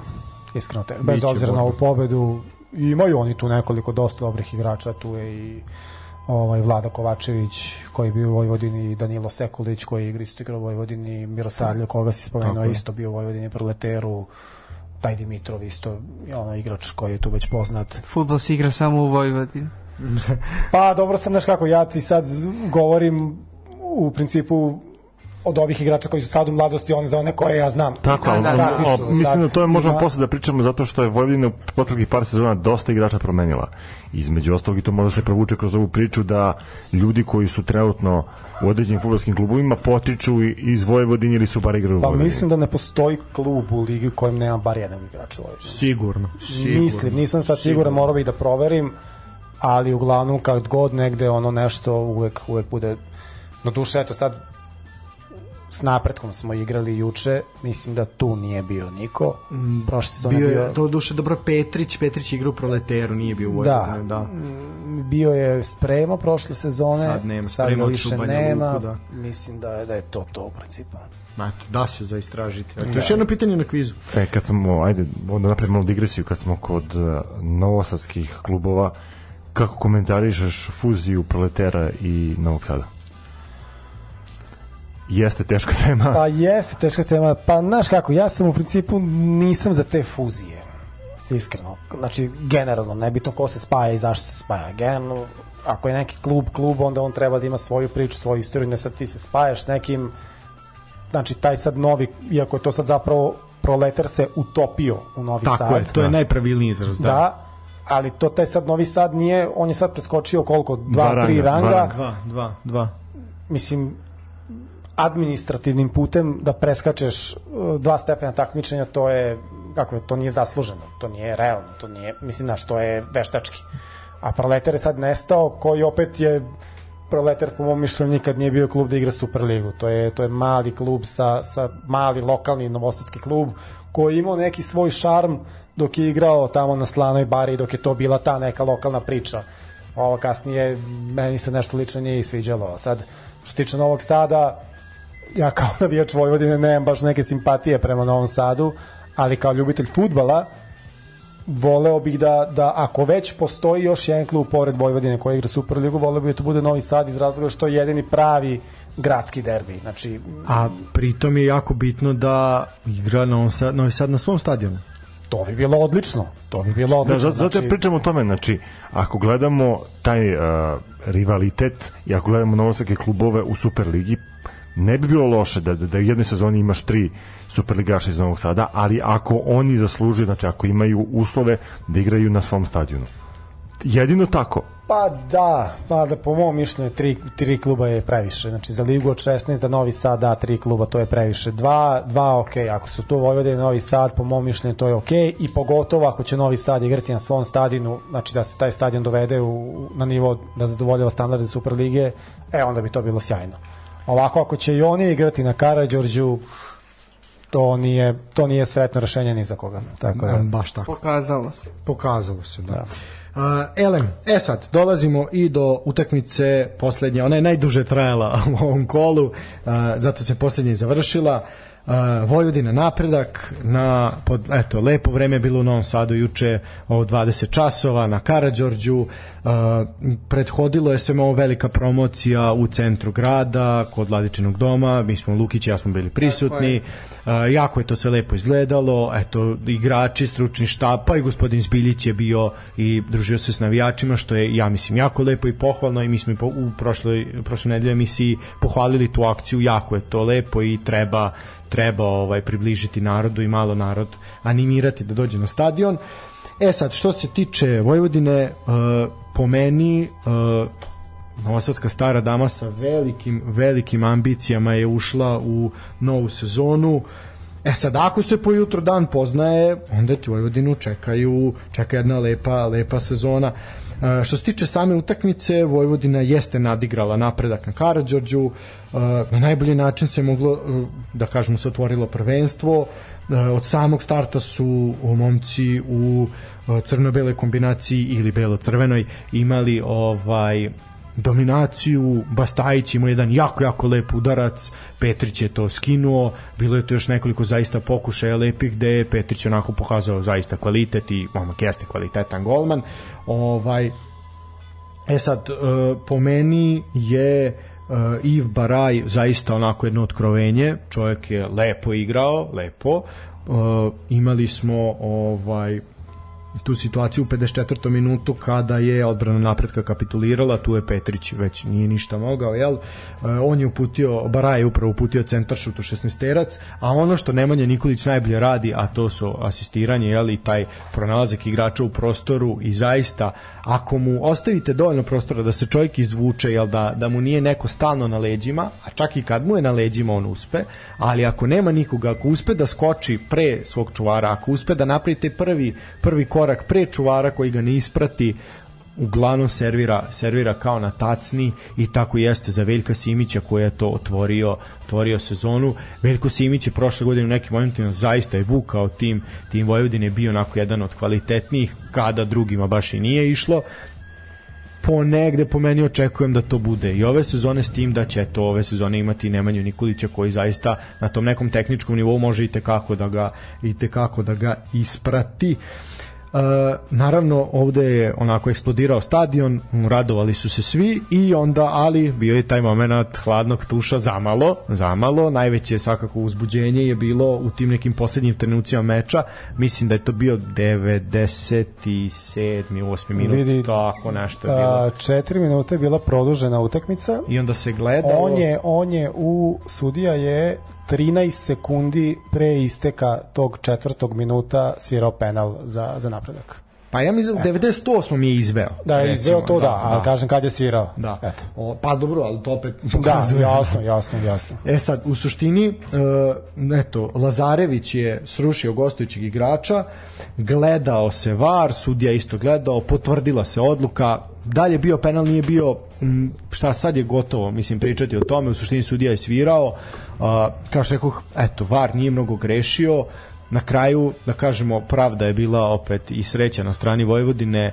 zaista je uh, Džugurdić je lansirao loptu nebo, Nebo pod oblake. da i ono zaista i jako su lepo su se našalili ovaj momci iz koji vode mrežu ovaj tačnije Twitter profil napretka iz Kruševca koji su rekli al povoljni letovi vizerom zaista onako Ramos čarapa.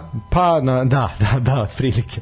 Ovaj tako da zaista ovaj Lazarević, ovaj bože, Carević je, to smo pričali nas dvojica dok Stefan nije došao, po prvi put posle dugo dugo godina sam video golmana da pleše na gol liniji i onako da o, pošto je čovjek prvo visok, ovaj još kad pruži ruke, mislim to onako izgleda onako čovjek se i uplaši ovaj kad treba da izvede penal i zaista onako se razmahao kao Jerži Dudek nekada i kažem ono baš baš sam to pričao sa Milošem dugo dugo godina nisam video da to golmani naši rade obično se svi ukopaju i čekaju, čekaju, da. da.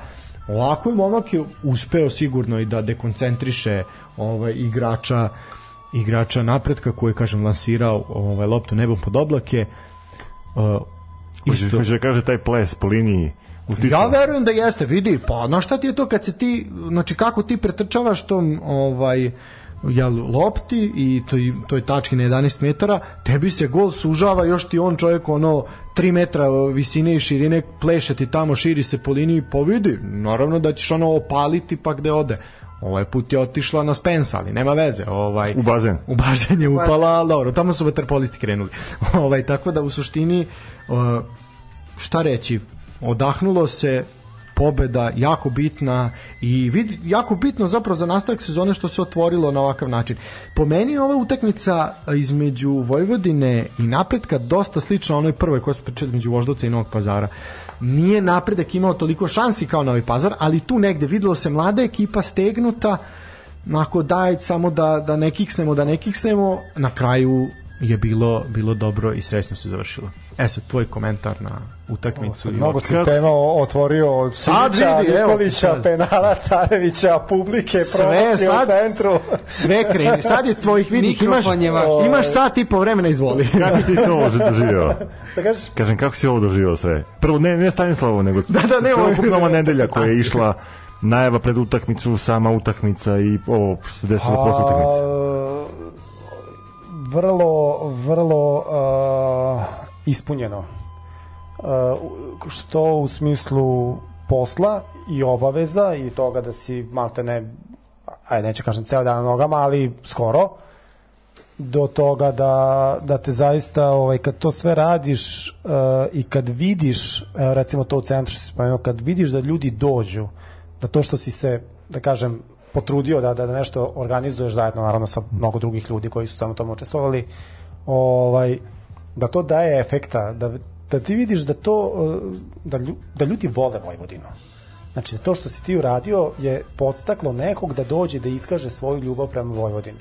E, onda, onda te to čini srećnim i, i zadovoljnim.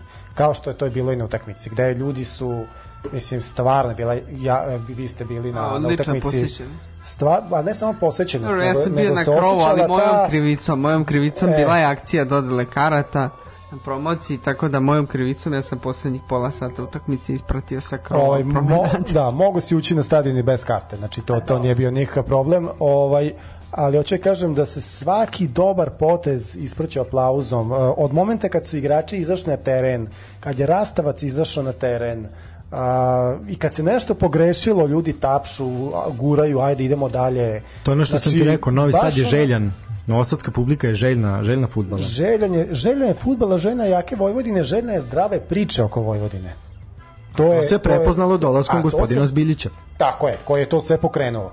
Tako da, ovaj, iz tog razloga mi je jako, mislim sad tri boda, ko tri boda su ti bitna, naravno uvek, ali je jako bitno da ljudi koji su bili na stadionu, bilo ih je skoro 5000, da nisu izašli sa stadiona razočarani, nego su izašli zadovoljni i zbog pobede, i, i zbog uzbuđenja, i bilo je lepih poteza, ne znam, i Makazice, da. one Baraj kad je prošao onu fintu, Traore, ono kad je u kontri skinuo ovaj Malten čistu kontru zaustavio, a bio je igrač 2 metra ispred njega kad su krenuli ka golu i da sad ne nabrajam dalje šta, šta se sve ovaj, moglo videti. Tako da baš onako mislim da, da što je neko i napisao u, u komentarima na društvenim mrežama ovaj, posle dosta vremena da ti je žao što se utakmica završila i da jedva čekaš da dođe sledeći put. e, to je, to je, to je suština cele priče. Vidi, ja kad sam ja sam posmatrao utakmicu onako jednim da kažem jednim iz jedne dečačke perspektive. Razmišljao sam, gledao sam te klince koji su bili i u centru, gledao sam te klince koji su bili i na stadionu. I ja znam da će taj klinac, njemu se onako oči, oči mu sijeju, taj će doći ponovo. Zato što je sve bilo prelepo. Bila je prava futbalska noć u kakvoj se neko zaljubi u futbal ili ono kaže sledeći put, sledeći vikend, e tata vodi me. Tako. E to je to. O, to je bukvalno, bukvalno to bilo. Mislim, Lazarević je jako lepo centrirao, Bastajić je bio u šansi konstantno. Mislim, zaista su svi odigrali na jednom jako lepom nivou. Mislim, mora se, mora se priznati.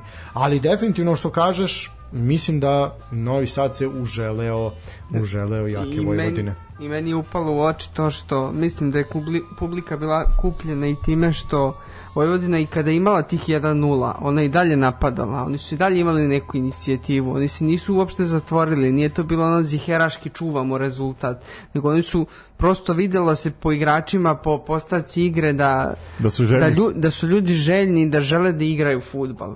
Oni su do samog kraja išli napred i držali tu loptu.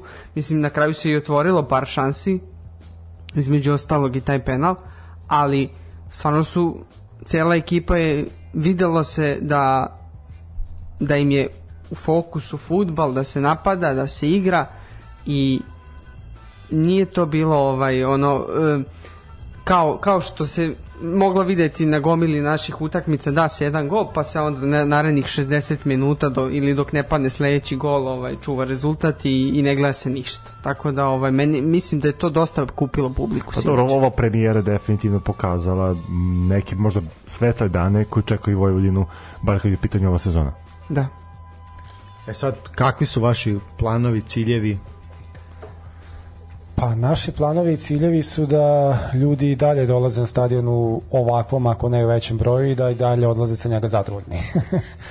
ovaj, tako da Jednostavno, jako je jednostavno. Želimo sad, dobro, ja se bavim marketingom. Sad, što se tiče tog sportskog dela, naravno bismo volili da pobeđujemo i ciljevi su da se plasiramo u Evropu, to je, mislim, apsolutno ništa, ništa manje toga Da, neće posle- zadovoljiti nikoga. posle par sezona ja mislim da je i vreme možda Pa posle jedne sezone, tačnije ove sezone, Stvarno? pa ove Moja sezone ne učestvujemo, prošle sezone smo učestvovali, nažalost neslovno, ali smo učestvovali, ovaj, kako se zove, uh, tako da cilj je to neko treće mesto, mislim da je realno, a mislim da nije nerealno da se napadne i drugo mesto koje vodi u kvalifikaciji za ligu šampiona, tako da ovaj, što da ne, mislim da, da možemo i to da napadnemo.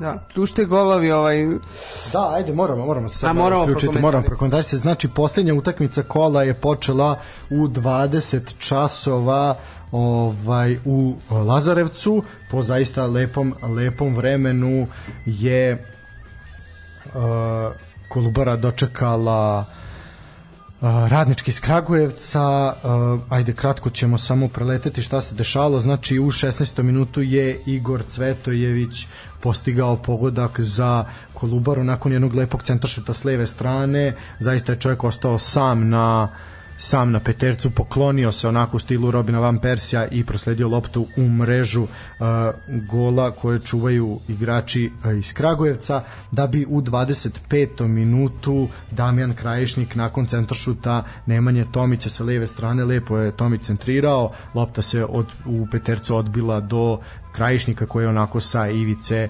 kaznenog prostora prosledio loptu u mrežu. 1-1 je, svakako ćemo pratiti dalje šta se tu dešava a vraćamo se na, na priču Vojvodini. Kaži mi sezonske ulaznice kad kreću u prodaju? Sezonske ulaznice će biti u prodaji od srede, tačnije od preko sutra ovaj, u našem dugogodišnjem, ovaj, u prostorijama našeg dugogodišnjeg partnera Geekstixa u, u Parijskom magazinu. A, eto da kažem premjerno kod vas ovde u, u emisiji da će ovaj svi navijači koji su kupili sezonsku ulaznicu za prošlu sezonu, dakle ne oni koji su je dobili besplatno, već oni koji su kupili sezonsku ulaznicu za prošlu sezonu, uh, ovoga puta će uz tu svoju staru sezonsku kartu na uvid moći da dobiju besplatno sezonsku ulaznicu za ovu sezonu. Što je uh, mali gest pažnje i znak zahvalnosti kluba prema svojim najvernijim navijačima koji su bili uz klub i u tog prošle sezone koja je bila daleko od, od onoga što su oni očekivali i što, što treba da bude neki nivo i standard Vojvodine.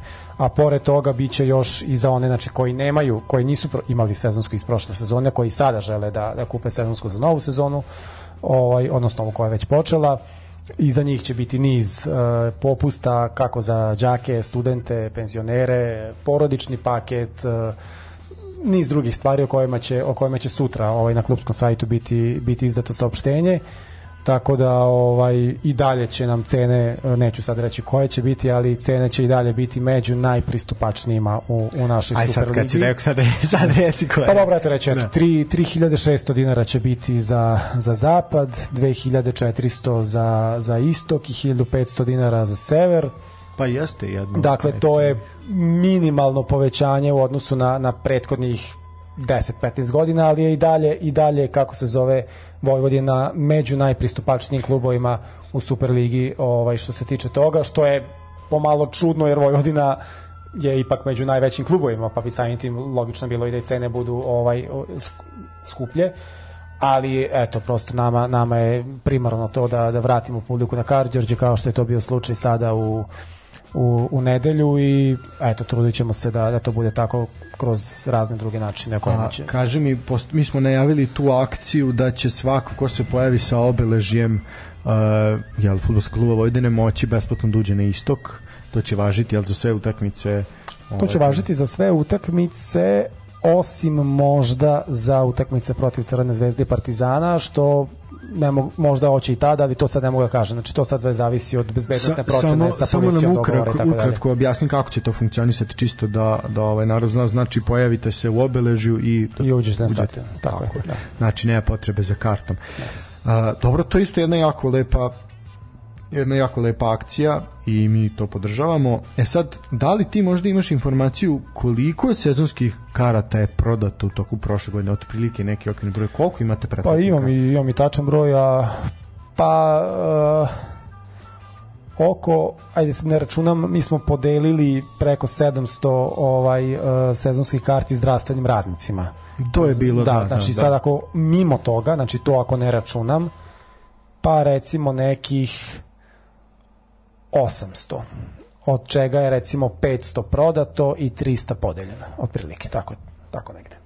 Pa dobro, ovaj, mi smo inače jako veliki zagovornici toga da se sezonska karta treba kupovati i da se nekako u našem narodu stvori ta neka kultura odlaska na stadion i kultura kupovine sezonske karte, jer kupovina sezonske karte ne samo što pomažete svoj klub, a sa druge strane sezonska karta se i tekako isplati, jer već nakon nekoliko utakmica kad tehnički idete džabe na stadion, jel? Tačno ovaj, tačno tako da zaista, a i negde te vuče, znaš, kad ti imaš kartu za celu sezonu, ti ćeš uvek otići da Tačno pogledaš kad imaš stadion, jel ono kao imam, imam prolaz. Slažem tako se. da negde, negde želimo, ovaj, zaista su to i pohvalili smo i Kolubaru koja ima lepu akciju za kupovinu svoje sezonske od, možete uz malu doplatu se kupi dres Voždovac nudi popuste u shopping centru što isto je zanimljivo isto se popust na kupovinu dresa uh, Crvena zvezda isto imala neke popuste, olakšanje, Partizan isto ima taj porodični popust gde biće dečija tribina, znači za školarce, s roditelje sa decom.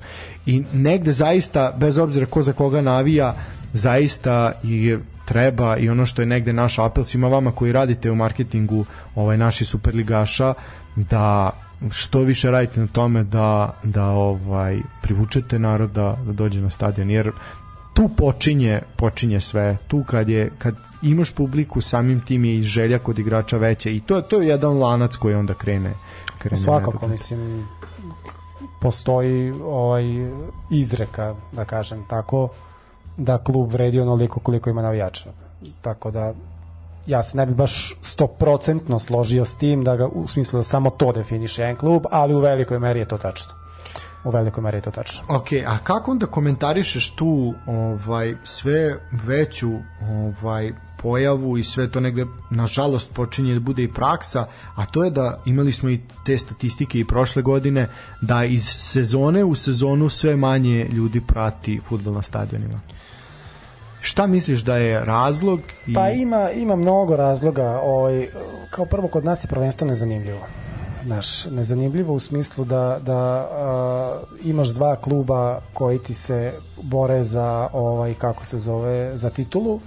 Pritom će ta dva kluba dobiti 95% ili 98%, ako ne i 100% ovaj, svih utakmica u ligi, sem kad se sastaju međusobno.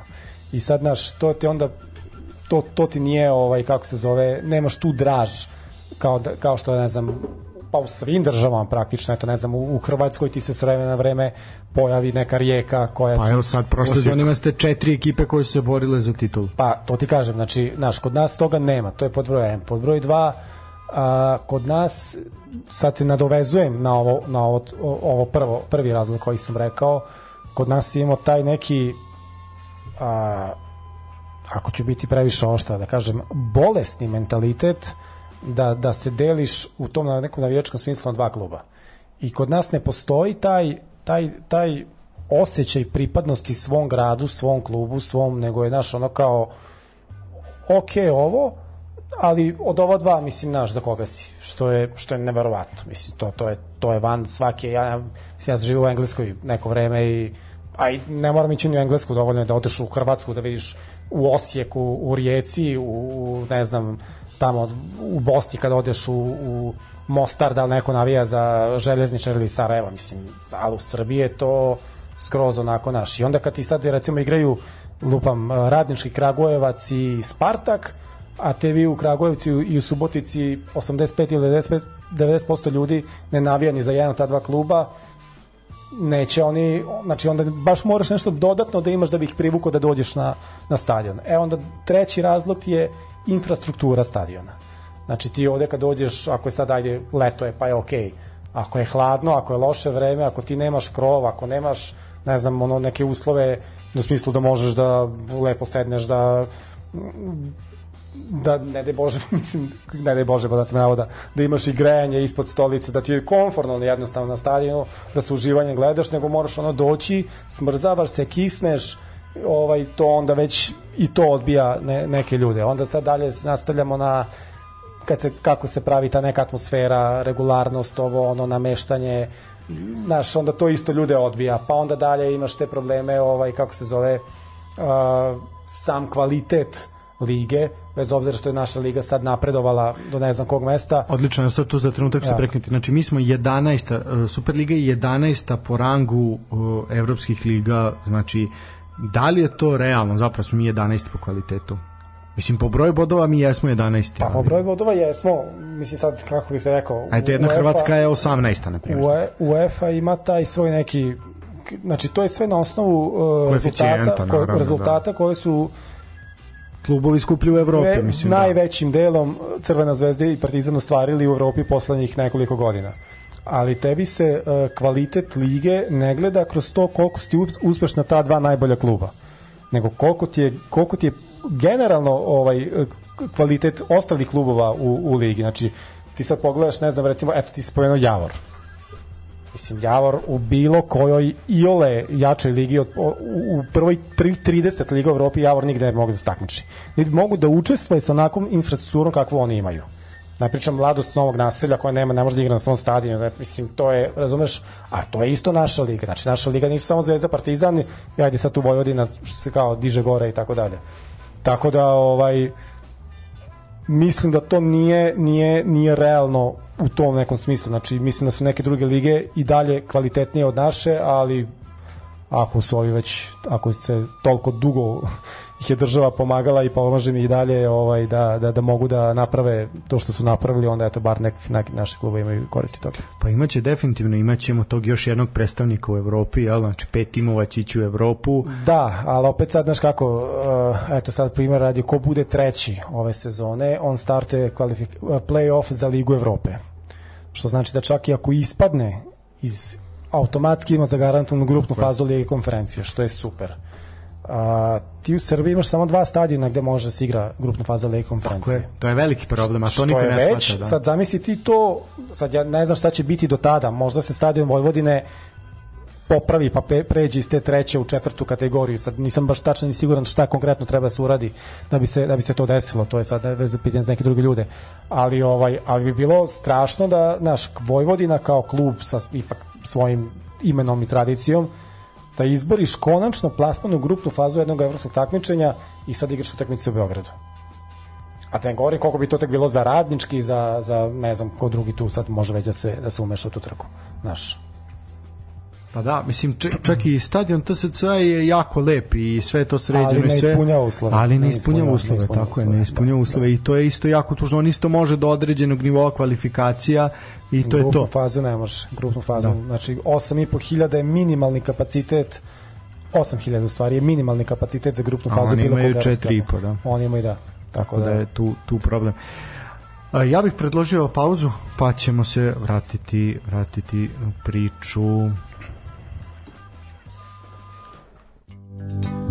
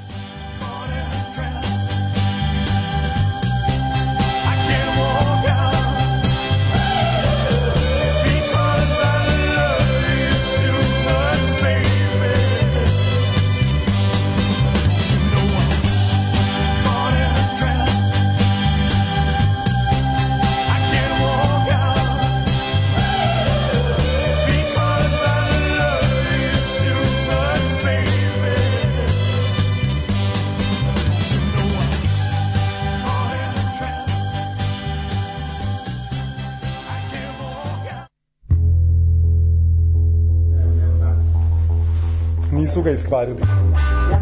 Ove godine imate jako dobru generaciju. Evo nas ponovo vraćamo se u posljednji segment naše emisije. E, Došli smo do momenta... Dečko, em kasniš, em se ubacuješ kad ne treba.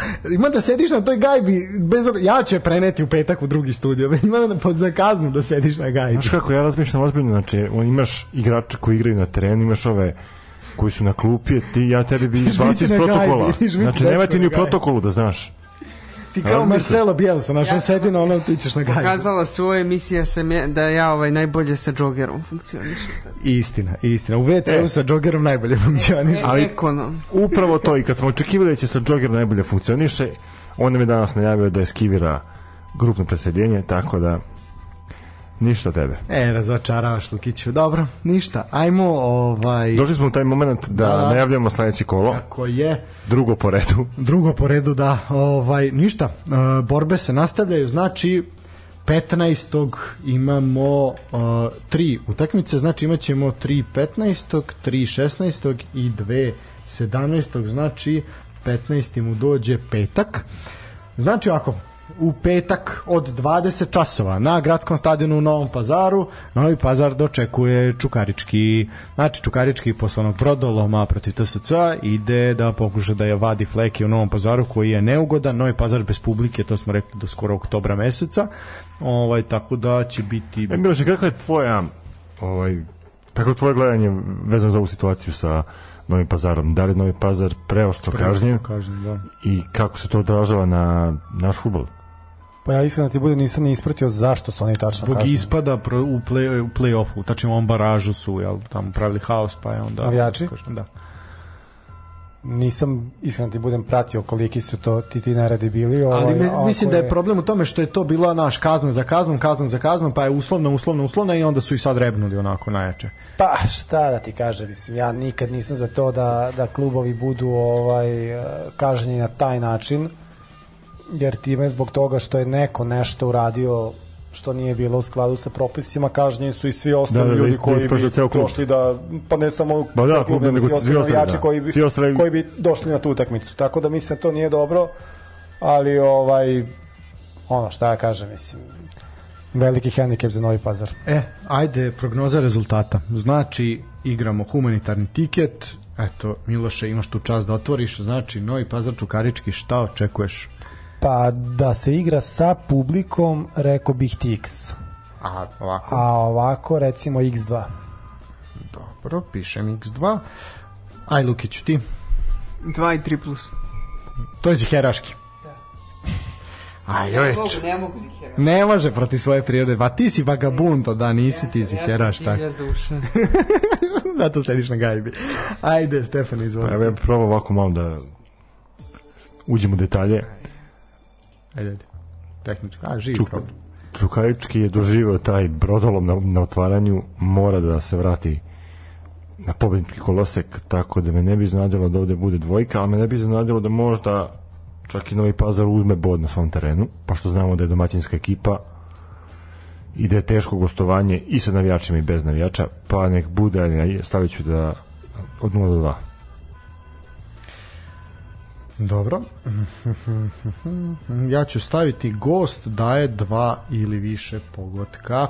Dobro, to je od 20 časa, rekli smo petak. Takođe u istom terminu u Nišu radnički na Čajeru dočekuje Partizan. E, aj sad momci da vas vidimo. Sivić će sigurno izaći iz puštenog garda, borit će se kao što je pokazao zube i zvezdi, pa me zvezda razbila. Ajde da vidimo šta će raditi protiv Partizana. Miloše, Posivić najslabija karika radničkog, definitivno. Misliš? Pa definitivno. Mislim, to je trener to je tip trenera kakav, ono, ako hoćeš da srpski futbol krene dalje, takvi kao on moraju da nestanu. Eto, bukvalno tako. Znači, čovek je ne iz 2000-ih, nego iz, iz 90-ih. Bu- Mislim, po, po, po svemu. Tako da, ja nisam, ovaj, da sam navijač radničkog, ne bi bio optimista sa, sa, sa njim na klupi. Uh,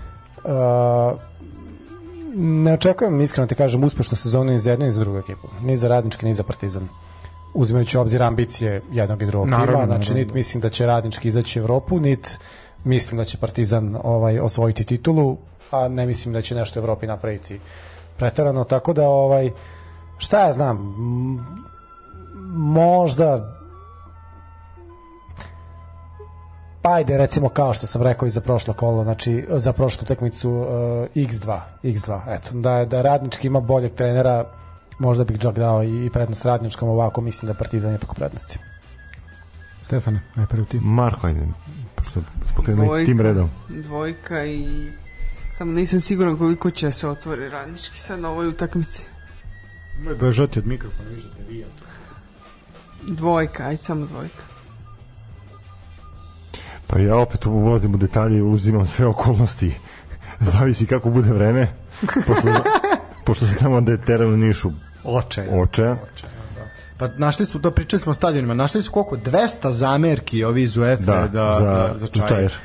Znači, mislim, jeziva, jeziva situacija. On slačionice se ruše, znači, katastrofa zidovi padaju.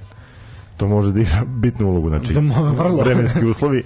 Druga stvar, mene raduje zato što Gledaj i vremensku prognozu sad. Pa da. Mene, mene raduje to što eto, drugo kolo Partizan gostuje u Nišu. Obično je tamo ovaj, malo drugačija situacija. Znači imamo grad koji navija jednim delom i za večite, ali navija i za, i za svoj klub i svog grada.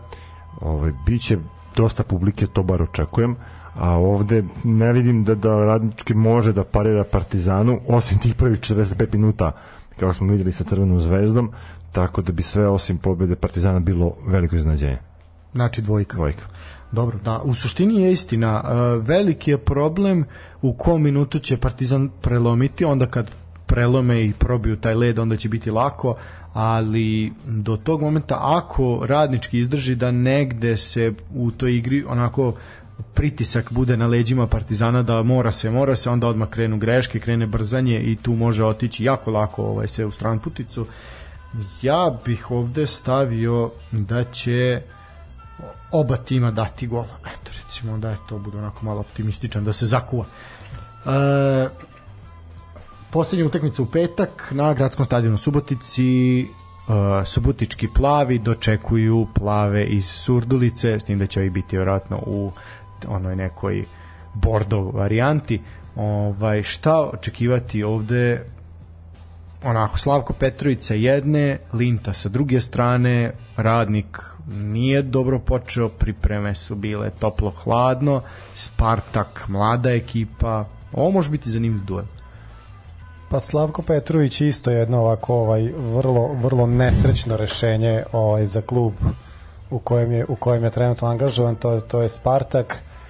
A, tako da i to isto onako baš baš ovaj ne ne daje nekog razloga za optimizam navijačima Spartaka. Ali taj klub je meni nekako interesantan iz razloga što oni uvek nekako tamo kad misliš ono e sad su u Rasulu, sad su u Buli, sad se, će se raspasti uvek nekako oforme ekipu i, i, i I uđe u play-off. i da i, i to je velike zasluge za to ima i njihov sadašnji a naš bivši ovaj sportski direktor Ljube Dunđerski koji je i pred nego što je došao vojno bio godinama u Spartaku i on Tako je da. bio i ono kad su igrali Evropu pobedili ovaj kako se zove Spartu iz Praga. Spartu iz Praga i tako I dalje. Bromby, mislim. Tako je. Ovaj, oni su inače, ne znam koliko to ljudi znate, uh, oni su scouting pravili u Srpskoj ligi. Znači oni dovode igrače iz Bačke, čak ne iz Vojvodine, iz Bačke. Oni tu prave, i to je on čovjek radio to je odlično. regionalni lider. O, tako Da. je, oni, oni za te igrače koji bukvalno igraju malta ne iz be- neki bez plate, mislim nije baš bez plate, ali Pa, stvarno poluamaterski pare, Tako je, definitivno, da. tako je. Oni tu prave selekciju, nalaze, snalaze se, bukvalno ni iz čega prave nešto. Tako da on je dalje tamo, ja mislim da da imaju boljeg trenera, mislim da bi Spartak mogao ovaj da da konkuriše za gore, ovako verovatno će to biti neka borba za opstanak ili sredinja tabele. Radnik me iznenadio iz razloga što je doveo Lintu za trenera. Dobro. Koji je uh, bio, ne znam isto da li znate, bio je pomoćnik ili stolici i dok je bio u Voždovcu i u Vojvodini i kasnije Olimpiji, mislim da su se tu negde ovaj, razišli, koji je po mom mišljenju i bolji, bolji trener ovaj, nego sam stolica. Tako da sam se iznenadio ako su njega doveli imaju verovatno tamo taj Tončev verovatno da ima ambicije s tim radnikom da da napravi Nešto nešto. za velike novce otišao. Tako da ovaj da mislim da možda bih čak tu dao prednost radniku. Ajde da kažem da, da ako ćemo vidjeti neko da kažem iznenađenje po znacima navoda, možda bi tu stavio dvojku. Dobro.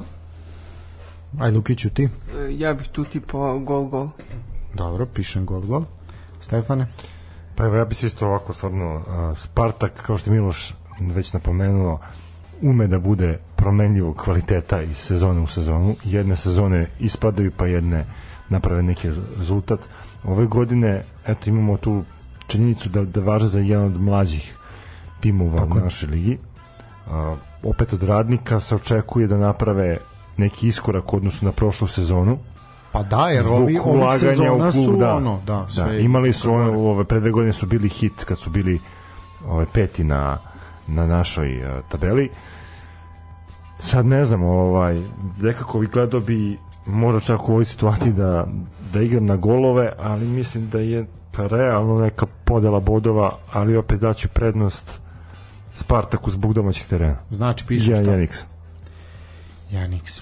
Ja ću isto staviti Kecix. Mislim da bodovi ostaju u Subotici, pa makar jedan. Uh, Crvena zvezda igra protiv Kolubare, uh, to je utakmica u subotu od 20 časova. Znači Kolubara eto imaće najkraći odmor da kažemo od svih pošto oni još uvek igraju svoju utakmicu jedan jedan je tamo i dalje. E sad, šta očekivati od Zvezde ove sezone u Superligi, a šta očekivati u Evropi? Zvezda je jedan od četiri kluba u Evropi kojima se po svim uh, elo procenama, svim mogućim statistikama, proračunima, jedino, znači samo četiri kluba, a jedan od ta četiri je Crvena zvezda, prognozira će 100% igrati grupnu fazu evropskog takmičenja. Znači, bukvalno ne mogu da ostanu bez Evrope. Da. Pošto se tiče domaćih, tak, domaćih takmičenja, u principu isto što i prošle sezone. Realno su ovaj najkvalitetniji, najuigraniji, najkompaktniji, najskuplji, najiskusniji u smislu koliko ti igrači koji tamo igraju imaju jakih utakmica iza sebe, a i kad im zakažu sve te stvari imaju i, i, i druge ovaj metode i rešenja. Logistika, tako je, tako je, tako da ovaj što se kaže niko zvezda nema to što imaš ti. To, to ti je to što se tiče Crvene zvezde, a Kolubara ti je ovaj ekipa koja će doći tamo da naprave par selfija, da se slikaju, da ono da imaju jednog dana da pokažu eto gde su igrali, s kim su igrali u principu što manje komada da primam, bit će srećni i to ti je to. Tako da, ajde da ne, Zvezda je domaćin. Da, tako? da, da, da. Da ne stavljam keca, ajde recimo da bude 4 plus. Prvo, mislim da je to sasvim okej. Lukiću, ajde. Postoji kvota za iz keca u keca. 1-0-1, verovatno. Onda ideš u minusu, kad je Zvezda opet ide u minusu. Stavi iz keca u keca. ajde. Dodaj golove makar. Mm, ne bi golove. A, znači ziheraški. Ti viš Lukić onda dobiti ovaj vikend, to je to. Stefan, Jo, ne. Pa nek bude 3 do 5. Oj, kako ovaj gađa. Vidi ovako, ti ja nešto kažem. Ja ne odustajem od Kolubara ove sezone, Vukušić daje gol. Vukušić ga daje, vidi. Ajde, ajde, koja je situacija sad? Sad ćemo da imamo šta Da li ga je? Nije, tek počinje počelo drugo polovreme polako. Dobro. E, dobro. E, e, dolazimo znači do momenta kada će ova novosadska publika gledati ka Karadžorđu i jedan i drugi tim se sastaju već u drugom kolu. Eto da kažemo jedan novosadski derbi ovaj ili kako god to nazvali ovaj recimo šta bi to bilo to bi bilo satelit protiv limana recimo a ili bulevara kako bi to podelio ne može se baš Sa sateliti novo naselje protiv Limana i Grbavice. recimo Pojačanih bulevarom. Ili ako gledamo gde je Vojvodina nastala, na podbari, da podbara da u podbara je Da. zajebano naselje da, A Vojvodina te nekako na neki način spaja ceo grad. Znaš. pa jeste Ovaj, da, osim tako da- detelinare Osim veterinara, tačno. u suštini možda, možda je bolje da ovaj, ovako podelimo, znači, provincijski deo grada proti centra. A ne bih, ne bih ja to baš ne tako bi delio. nije ne provincija je veternik i futok je da, Da, ovaj, ne, vidi, Beograda. da, da, da, da, mi se odmah Prvo, kad, dečko, ićeš ti meni na bazenu futok, pa ću ja tebe pitati. Jeste, da, kad smo kod pa toga, ću te to- pitati, da, da. To je jedno od jačih kapitalnih investicija kad je u pitanju ovaj, Tako je, pitaću te ja Da. kad ja kažem i mojim futožanima te ne puste. Aha, paš mi ostati u speedo gaćama napolje. Neka, neka. Ovaj, ovaj, uh, vidi, to nije derbi. A, naravno. Znači, nije, to, to nije derbi. Znači, novosadski derbi, što ste spomenuo, to mogu biti utakmice između Vojvodine i Novog Sada. Znači, gledajući tradiciju, navijača i sve ostalo. Ovo nije derbi, znači, ovo je prvi put u, u istoriji da se Vojvodine i mlade s Novog naselja sastaju. Tako da ovaj što ne znači da će što ne znači da će da će Vojvodina sigurno pobediti naravno. Znači ja to ne, uopšte ne kažem, ali očekujem ovaj ali meni će ta utakmica biti interesantna iz razloga ovaj što što očekujem da će ponovo biti dosta dosta publike. Uh, i bit će mi interesantna iz razloga što u ekipi mladosti igra dosta naših bivših igrača. Tako da ovaj eto vidim da su on, ja po mom mišljenju koliko sam ja pratio i koliko sam upoznat sa nekim njihovim stanjem u klubu i tu šta se dešava iskreno ne očekujem da da oni opstanu u, u Superligi, mada vidim eto sad u prvom kolu su dobili Pa bit će u borba za opstanak, mislim, to. Pa da, to, to sigurno ovaj tako da šta ja znam u principu ja očekujem tu pobedu Vojvodine i nadam se eto, Znači, da će tako i pišemo biti, dvojku. tako da dvojku, dvojku, da, da. E, sad, Marko? ajde, Lukiću. Kec i, i od 2 do 3. Oh, joj, vidi dečka. Ti reče ziheraški, da, joj. 2 do 3. A, dobro, to se igra u subotu 8. Ovo bi se moglo ispratiti. Ovo bi moglo da O- ekipa, ovo bi ekipa trebalo sportskog pozdrava bi zaista ovo trebalo da isprati. Bilo bi, bilo bi već sramota. Da li ti, Stefan, imaš Da kakve ode. informacije vezano za karte? Ovaj, Još uvijek ne. Ništa se nisam se raspitivao, da. iskreno. Dobro. Još uvijek sam na egzitu. Još uvijek, da, nije se dečko vratio još sa tvrđave. Kaži ti meni, ove, šta očekuješ? 1x. Oj, ju, ju, ju, ju, ju. Pa ja ću onda verovati da Vojvodina može da Znači, gost, Vi, vi znate nešto što ja ne znam ili ja ću reći gost dva ili više pogotka daje. Eto, ajde da Ali opet, različito. uh, složio bi se sa, sa Milošem, mislim da je ovo idealna prilika da novosađeni dođu da uživa u jednoj Ne, zaista, mislim da će predstavi. biti dobro, lepo. Pritom, i, pritom igra se u 20 časova, što Ne, je jako dobar vremenu, termin, samo da ne bude neke kiše ili nečeg Pa Novi Sad je ko London. pa dobro, ako bude kiša. Pa da, na opet. zapadu ima krova, tako da Tako, mogu da- jeste, ali opet kažem, ne, neće neko vreme, Ne pošto znam, ovo će je ludo, pustiti sa obeležima Vojvodine na zapad a neće baš Pa tako. ne, lako. sad je mladost domaćin, tako da ovaj, ovog puta će biti po njihovim pravilima. Da, nema, ne znam za pravila, nema, nema pravila. Znaš, koje obeležje mladosti? Ja moram da dođem u radničkom modelu, razumeš, ono gatka. Kombinezon, da, kombinezon, plavi. da, plavi Plavi. kombinezon i to je to prolazi. Kao Super Mario, da. Pla, Pa da, Super Mario vodoinstalater, mislim, kako to nije građevinska, mislim, ono... A, Ali plavo crven. Pa i, dobro, da, pravo si. A znači, dobro, ajde, zanimljivo. Eto, predlog za maskotu, ovaj Da, da. gaci, Super Mario. To, stavite Super Mario, nek vas Nintendo tuži, zatvori klub i sve odmah uzmemo sve pare i to je to, završimo priču. E, dobro, e, ajmo dalje. E, idemo u Bačku Topolu, znači to je isto utakmica iz subotnjeg programa, TSC Bačka Topola protiv Javora iz Ivanjice, eto pred Ivančanima dalek put u Topolu.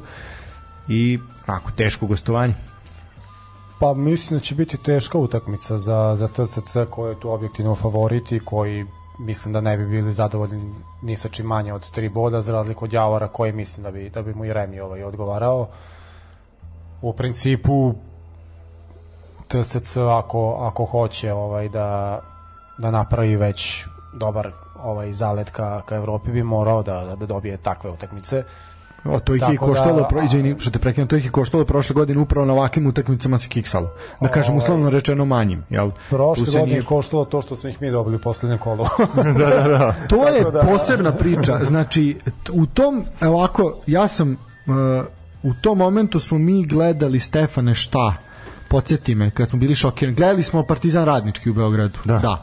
I u tom momentu kad nam doduše pratili I Zvezda Voždovac. i Zvezda Voždovac da ovaj i u tom momentu pratili smo ja sam na telefonu gledao ovaj TSC i Vojvodinu i ono naš kao ceo stadion, cela fudbalska javnost, svi koji god eto tu nama šalju poruke ko sluša emisiju, ko ovo ko ono, svi su ono kao, ma kak je to Vojvodina pušta, ono kao, pustit će, pustit će. Pa, ne.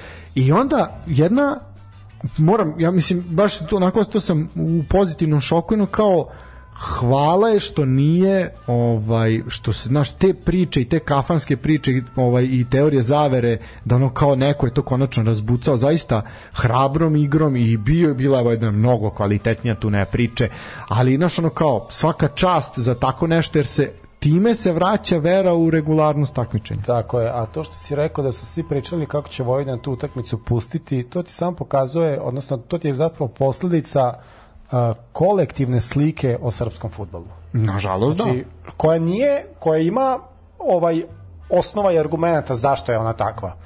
ali nije, naš, uh, to ti je, to je recimo ta utakmica ti je bila pokazatelj da to zapravo nije tako uvek. Pogotovo, eto, ja sad ne pričam o drugim klubovima, ali kad je Vojvodina u pitanju, znači nama ta utakmica apsolutno ništa nije značila. Ti kažeš, bili smo bolji, koliko smo bili bolji ili nismo, to sad... To je, Hrabri, to- to- definitivno. To, to, je sad i nebitno, ali suština da smo odigrali maksimalno. Tako je. Znači, odigrali smo maksimalno, iskoristili šanse, odigrali motivisano, odigrali za sebe, odigrali za te navijače koji su došli da, da ta podrže ekipu, održa, odigrali za novu, novu sezonu koja je, ovaj, koja sada eto počinje, tako da se napravi već tada jedna onako pozitivna, da kažem, neka, neka, neka ovaj atmosfera, tako da ovaj ne znam, eto TSC što od, da, da završim eto Da, sa tim tipovanjem za, za tu utakmicu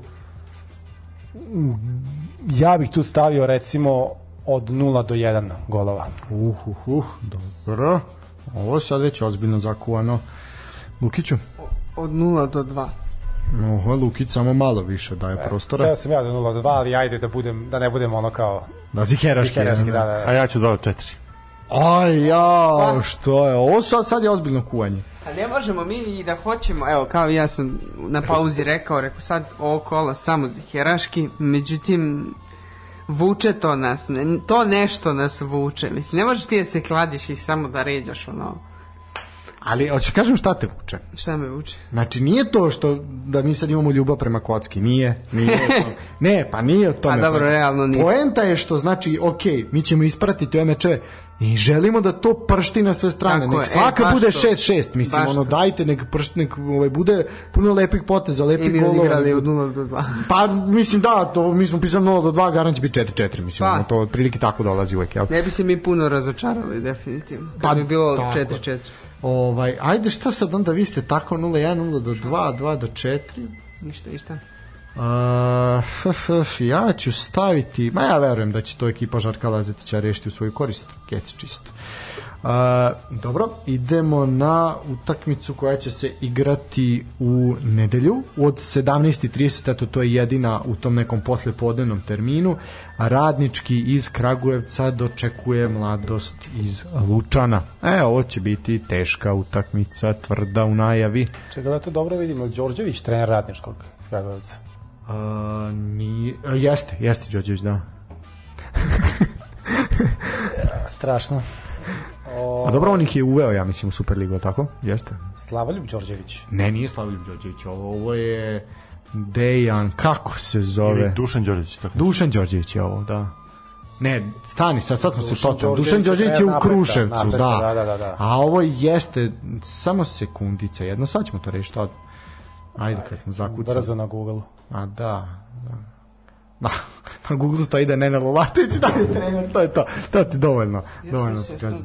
Sam, Ne, ne, jeste Dejan, samo što, ajde ne, daj prognozirajte dok ja, ovaj, znači, Pa ne znam, šta je, šta je, znam sad, ne znam kakvu ekipu tu taj radnički ima. a zavise od. Mirića i od, šta? Da. Kolubare, ne radi. Ovaj, dečko, ti nisi prisutan, ne, totalno smo ovaj, Da, otišli. pa mislim da, šta je, znam, to je baš, baš teško ja- jako prognozirati. Možda bih, ajde, malo prednost dao radničkom, ovaj, ako vidim već da su im ostali ti neki nosioci igre. A mislim Pa, da Mirić, Neca. Tomić, šta urade? Joksimović je trener. A mislim da se čovjek zove Dejan Joksimović, samo moment da, Da. proverim. Jeste Dejan Joksimović, znam da je Dejan, Da. ali, ali je Joksimović. Pa dobro, onda u svakom slučaju ovaj mislim da, da, da možda eto malo za nijansu veće šanse radničkom daje na toj utakmici, tako da ajde nek bude kec. Lukić. Ja bih ovu utakmicu preskočio. Ne može da Ne preskače. može da preskače, ajde Pa ne sad. može, kako ne može? Pa ne može. Otka, otkad to ne može? Pa ne može, Čekaj, otkad ne može? Pa ti si baš u autu. Joj, pa pro šta preskakali smo do sad. Nismo preskakali ništa. Ajde, prognoziraj. Ajde, prognoziraj. Nemoj mi obarati keč, čovječ, ostao sve da dođe, treba padnemo ovde na ovaj Dobro, radnički. ajde, imaš pravo, Hoćeš veto. ti, hoćeš ti da mi refundiraš? E, Ja ću te, ja ću te refundirati. Neka, stavim, daš ti mi refundirati. ajde, ajde. Neka, ajde, ajde, neka, ajde. Sportski, sportski, sportski opet nemam pojma šta da odik. Um, pa ajde, od 0 do 2, šta drugo? Od 0 do 3, eto. Nema, pos- nema Pa od 0 do postoji 3. sigurno kvota za... Ima. Ima, ima, ajde, Stefan. 0-2. A, a jo, kako niko ne veruje u futbal. Ja kažem da Kecix. I poslednja utakmica kola u nedelju od 20 časova napredak u Kruševcu dočekuje Voždovac. E, ovo će biti... Mogu ja prvi, samo da ti da uzem reč, da, da, da, da završim s tim. Kec na napredak. Batina mislim, da je, biti. mislim da je vreme da jednom odigraju dobru utakmicu i da pobede. Eto, to je to. I- Dobro, ajmo, dalje. Pa šta je za napredak se nije loše predstavio. Nije, ovde. daleko od toga. Ono, A sad na svom terenu. Što je Rastavac rekao posle ovaj, na, na konferenciji, oni nemaju tu nešto mnogo stvari koje oni demonstriraju u toj svojoj igri, ali ono što rade, oni to rade sasvim korektno. Ovaj, tako da, šta ja znam, nekako mislim, deluje mi možda da njima čak i lakše da igraju na, na gostovanjima nego, nego kod kuće, ovaj, iz razloga što tu možda imaju manji pritisak, ali ne, jedna baš onako otvorena utakmica. Eto, tu, tu bi recimo očekivao ovaj, nešto veći broj golova na tom meču. Mislim, možda recimo 3 plus, eto. Dobro, Lukiću. U 2 do 3. Dobro, Lukiću, lepo od tebe. Haf. Ja mislim da će ovde Voždovac o, rešiti u svoju korist. Aj, neću staviti x2, ne budem ziheraš, mislim da ovo dobija. A, ja se ne bih složio s tobom, ja mislim da, a, mislim, ono što sam čuo iz priče ovaj i što sam imao prilike da vidim na Zlatiboru sam gledao ovaj naše superligaše koji su tamo spremali i ove koji su bili iz Crnogorske lige ovaj i m, želja Voždovca je da budu bolji nego prošle godine da jedan još korak naprave ka gore. E, mislim da će oni i tekako gađati mesto u Evropi. Imaju jako mladu ekipu koliko je to realno ili ne to je druga priča ali oni mislim da imaju tekako ambicije. Oni su prošle godine imali jedan jako težak raspored na kraju gde su ono sručilo ovaj, sa Zvezdom i Partizanom i trebalo je uzeti bodove Zvezdi na proslavi titule mislim to je nemoguće. Ali eto na kraju ipak je radnički otišao u tu Evropu, mislim da će voždovac i tekako dati sve od sebe, da baš zato što nema tog pritiska, da će pokušati, ajde da se igramo, da vidimo koliko možemo. Pa ono, ko, dokle bude išlo. E, tako da ću ja tipovati dvojku. U suštini, dragi moji drugari, ovde smo mi sastavili onako jedno zanimljivo, biće, pratit će se, ovaj, svakako mi ćemo platiti tikete, pa ako bude, onda ćemo u konsultaciji sa Milošem reći gde ćemo i kome to proslediti. Nažalost ima ima ovaj mnogo ljudi kojima je to Tačno kojima je to potrebno, ljudi, dece, organizacija i tako dalje i tako dalje. Ništa, evo, došli smo do, do kraja emisije. Pa manje više, da. Imaš ti Miloš možda još nešto da daš, da kažeš, da poručiš, da nešto pitaš nas. Pa da. jedino što mogu da pozovemo ovaj, navijače da, da dođu najpre u subotu u 8 sati na Kardiožđe kad igramo protiv mladosti, iako ćemo mi biti gosti opet. To je, to je naš stadion, naš grad, tako da, a i u narednim, narednim mečevima da budu uz Vojvodinu ove sezone, videlo se eto juče kol, koliko je to sve drugačije kad imaš ovaj pune tribine kad imaš uh, dobru atmosferu kad to onako deluje sve jako pozitivno tako da mnogo to znači igračima mnogo to znači klubu i eto sam bih pozvao rekao još jednom da stvarno se sad radi u klubu na, na svim nivoima, ne samo na sportskom, nego na, na svim drugim nivoima da Vojvodina stvarno bude klub koji će ne samo učestvovati u, u Evropi naredne sezone, već koji će tamo biti konkurentan i da i, i želja nam je da kao što smo eto sinoć gledali Vojvodinu protiv napretka da tako gledamo Vojvodinu sledeće sezone Vojvodinu protiv nekih evropskih ekipa poznatih evropskih ekipa u grupnoj fazi evropskog takmičenja da li to će biti Liga konferencije ili Liga Evrope a što da ne napadnemo i Ligu šampiona Pa dobro.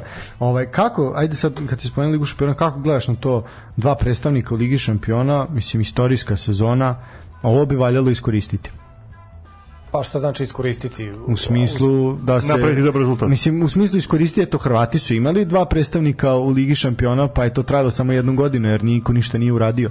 Da. Znači bilo bi ajde da iskoristimo kada već daju da Pa Teško je, znaš kako, teško je da ti sad u jednoj tak, zemlji, maloj zemlji da sad dva tima se formiraju koji će, da imaš, da Srbija ima dva učesnika u grupnoj Ne fazi. mislim samo, ok, imali smo u grupnoj fazi, ne mora biti u grupnoj fazi Ligi šampiona, ali ajde da uđe još neko negde, mislim, ajde u tu ligu konferencija, ja ve- neko naši ući timovi- negde sigurno, ko Da. bude treći, taj igra grupnu fazu Lige konferencije sigurno. Znači u, naj, u najgorem slučaju ko bude treći ili osvajač kupa ako, ako Tako tako da. da. mi ćemo sigurno imati bar tri kluba u grupnoj fazi nekog evropskog takmičenja. E sad kako će se taj klub pokazati, to je E, sad već to je sad već drugo pitanje. U principu treba se pojačati. Eto, mislim da sa ovim sadašnjim sastavima kako gledajući sve klubove sem Zvezde, eto i Partizana donekle, da, da klubovi i sad u ovom prelazom roku koji još uvek traje i u zimskom i u onom tamo letnjem da bi se morale napraviti ovaj još neke dodatne to selekcije i da onda to bude nešto ozbiljno. Moramo, eto, istaknuli smo, bili su hokejaši, uzeli su titulu, bili su odbojkaši, kad su uzeli titulu, rukometaši to sad već redovno rade, ovaj, to ne treba puno, puno isticati. Eto, možda ovaj, mi budemo talični i za, za futbolski klub da se nešto osvoji. Ovaj, da, Ako budete, donosim vam pehar ovde od E, vidi, pazi šta si rekao. Znači, eto, obećavam, ako, obećavam. ako bude ili onaj pošto ti si kasnio malo, pošto ovaj čovjek nam je jel, fino i kulturno čestitao jubilej 90. emisiju i ovaj nadolazeći od 100. I onda smo mi rekli naš da na, ne, bilo bi lepo da neko dođe da nam da onaj dres 100 znaš uramljen kao što dele fudbalerima. Tako da nije bilo upućeno. Ovde je sve počelo. Ovde se počeo, da, da, tako je. Ovaj, tako da puno sreće ovaj, u daljem takmičenju i naravno u borbi za kup i u ligi. Uh, puno sreće naravno i tebi u tvom delu posla i ono što negde je svakako najveći zadatak i cilj po meni je da taj stadion bude što što puniji, da eto sa te strane Novi Sad ovaj odradi svoj zadatak, a onda fudbaleri šta urade urade. Uh, hvala na izdvojenom vremenu još jedan put s moje strane, hvala što si se odazvao, što si bio da s nama družio se, nadam se da ti je bilo prijatno, da te nismo ovaj udavili, nismo isprovocirali, da je bilo sasvim korektno. Malo je Lukić neprofesionalan, ali dobro Malo mora biti. tipovima ovaj, za sledeće kolo protiv, protiv Vojvodine, ali, ali je dobro, ajde. Ovaj, čućemo se posle. Pričat ćemo, pa, će, dobro. pa ćemo prokomentarisati. Da. Dobro. Hvala vama ovaj, još jednom što ste me pozvali, bilo me zaista zove, sad sedim ovde samo da razgovaram. Hvala vam što ste i na taj način doprineli tom našem cilju da, da tribine budu što, što punije.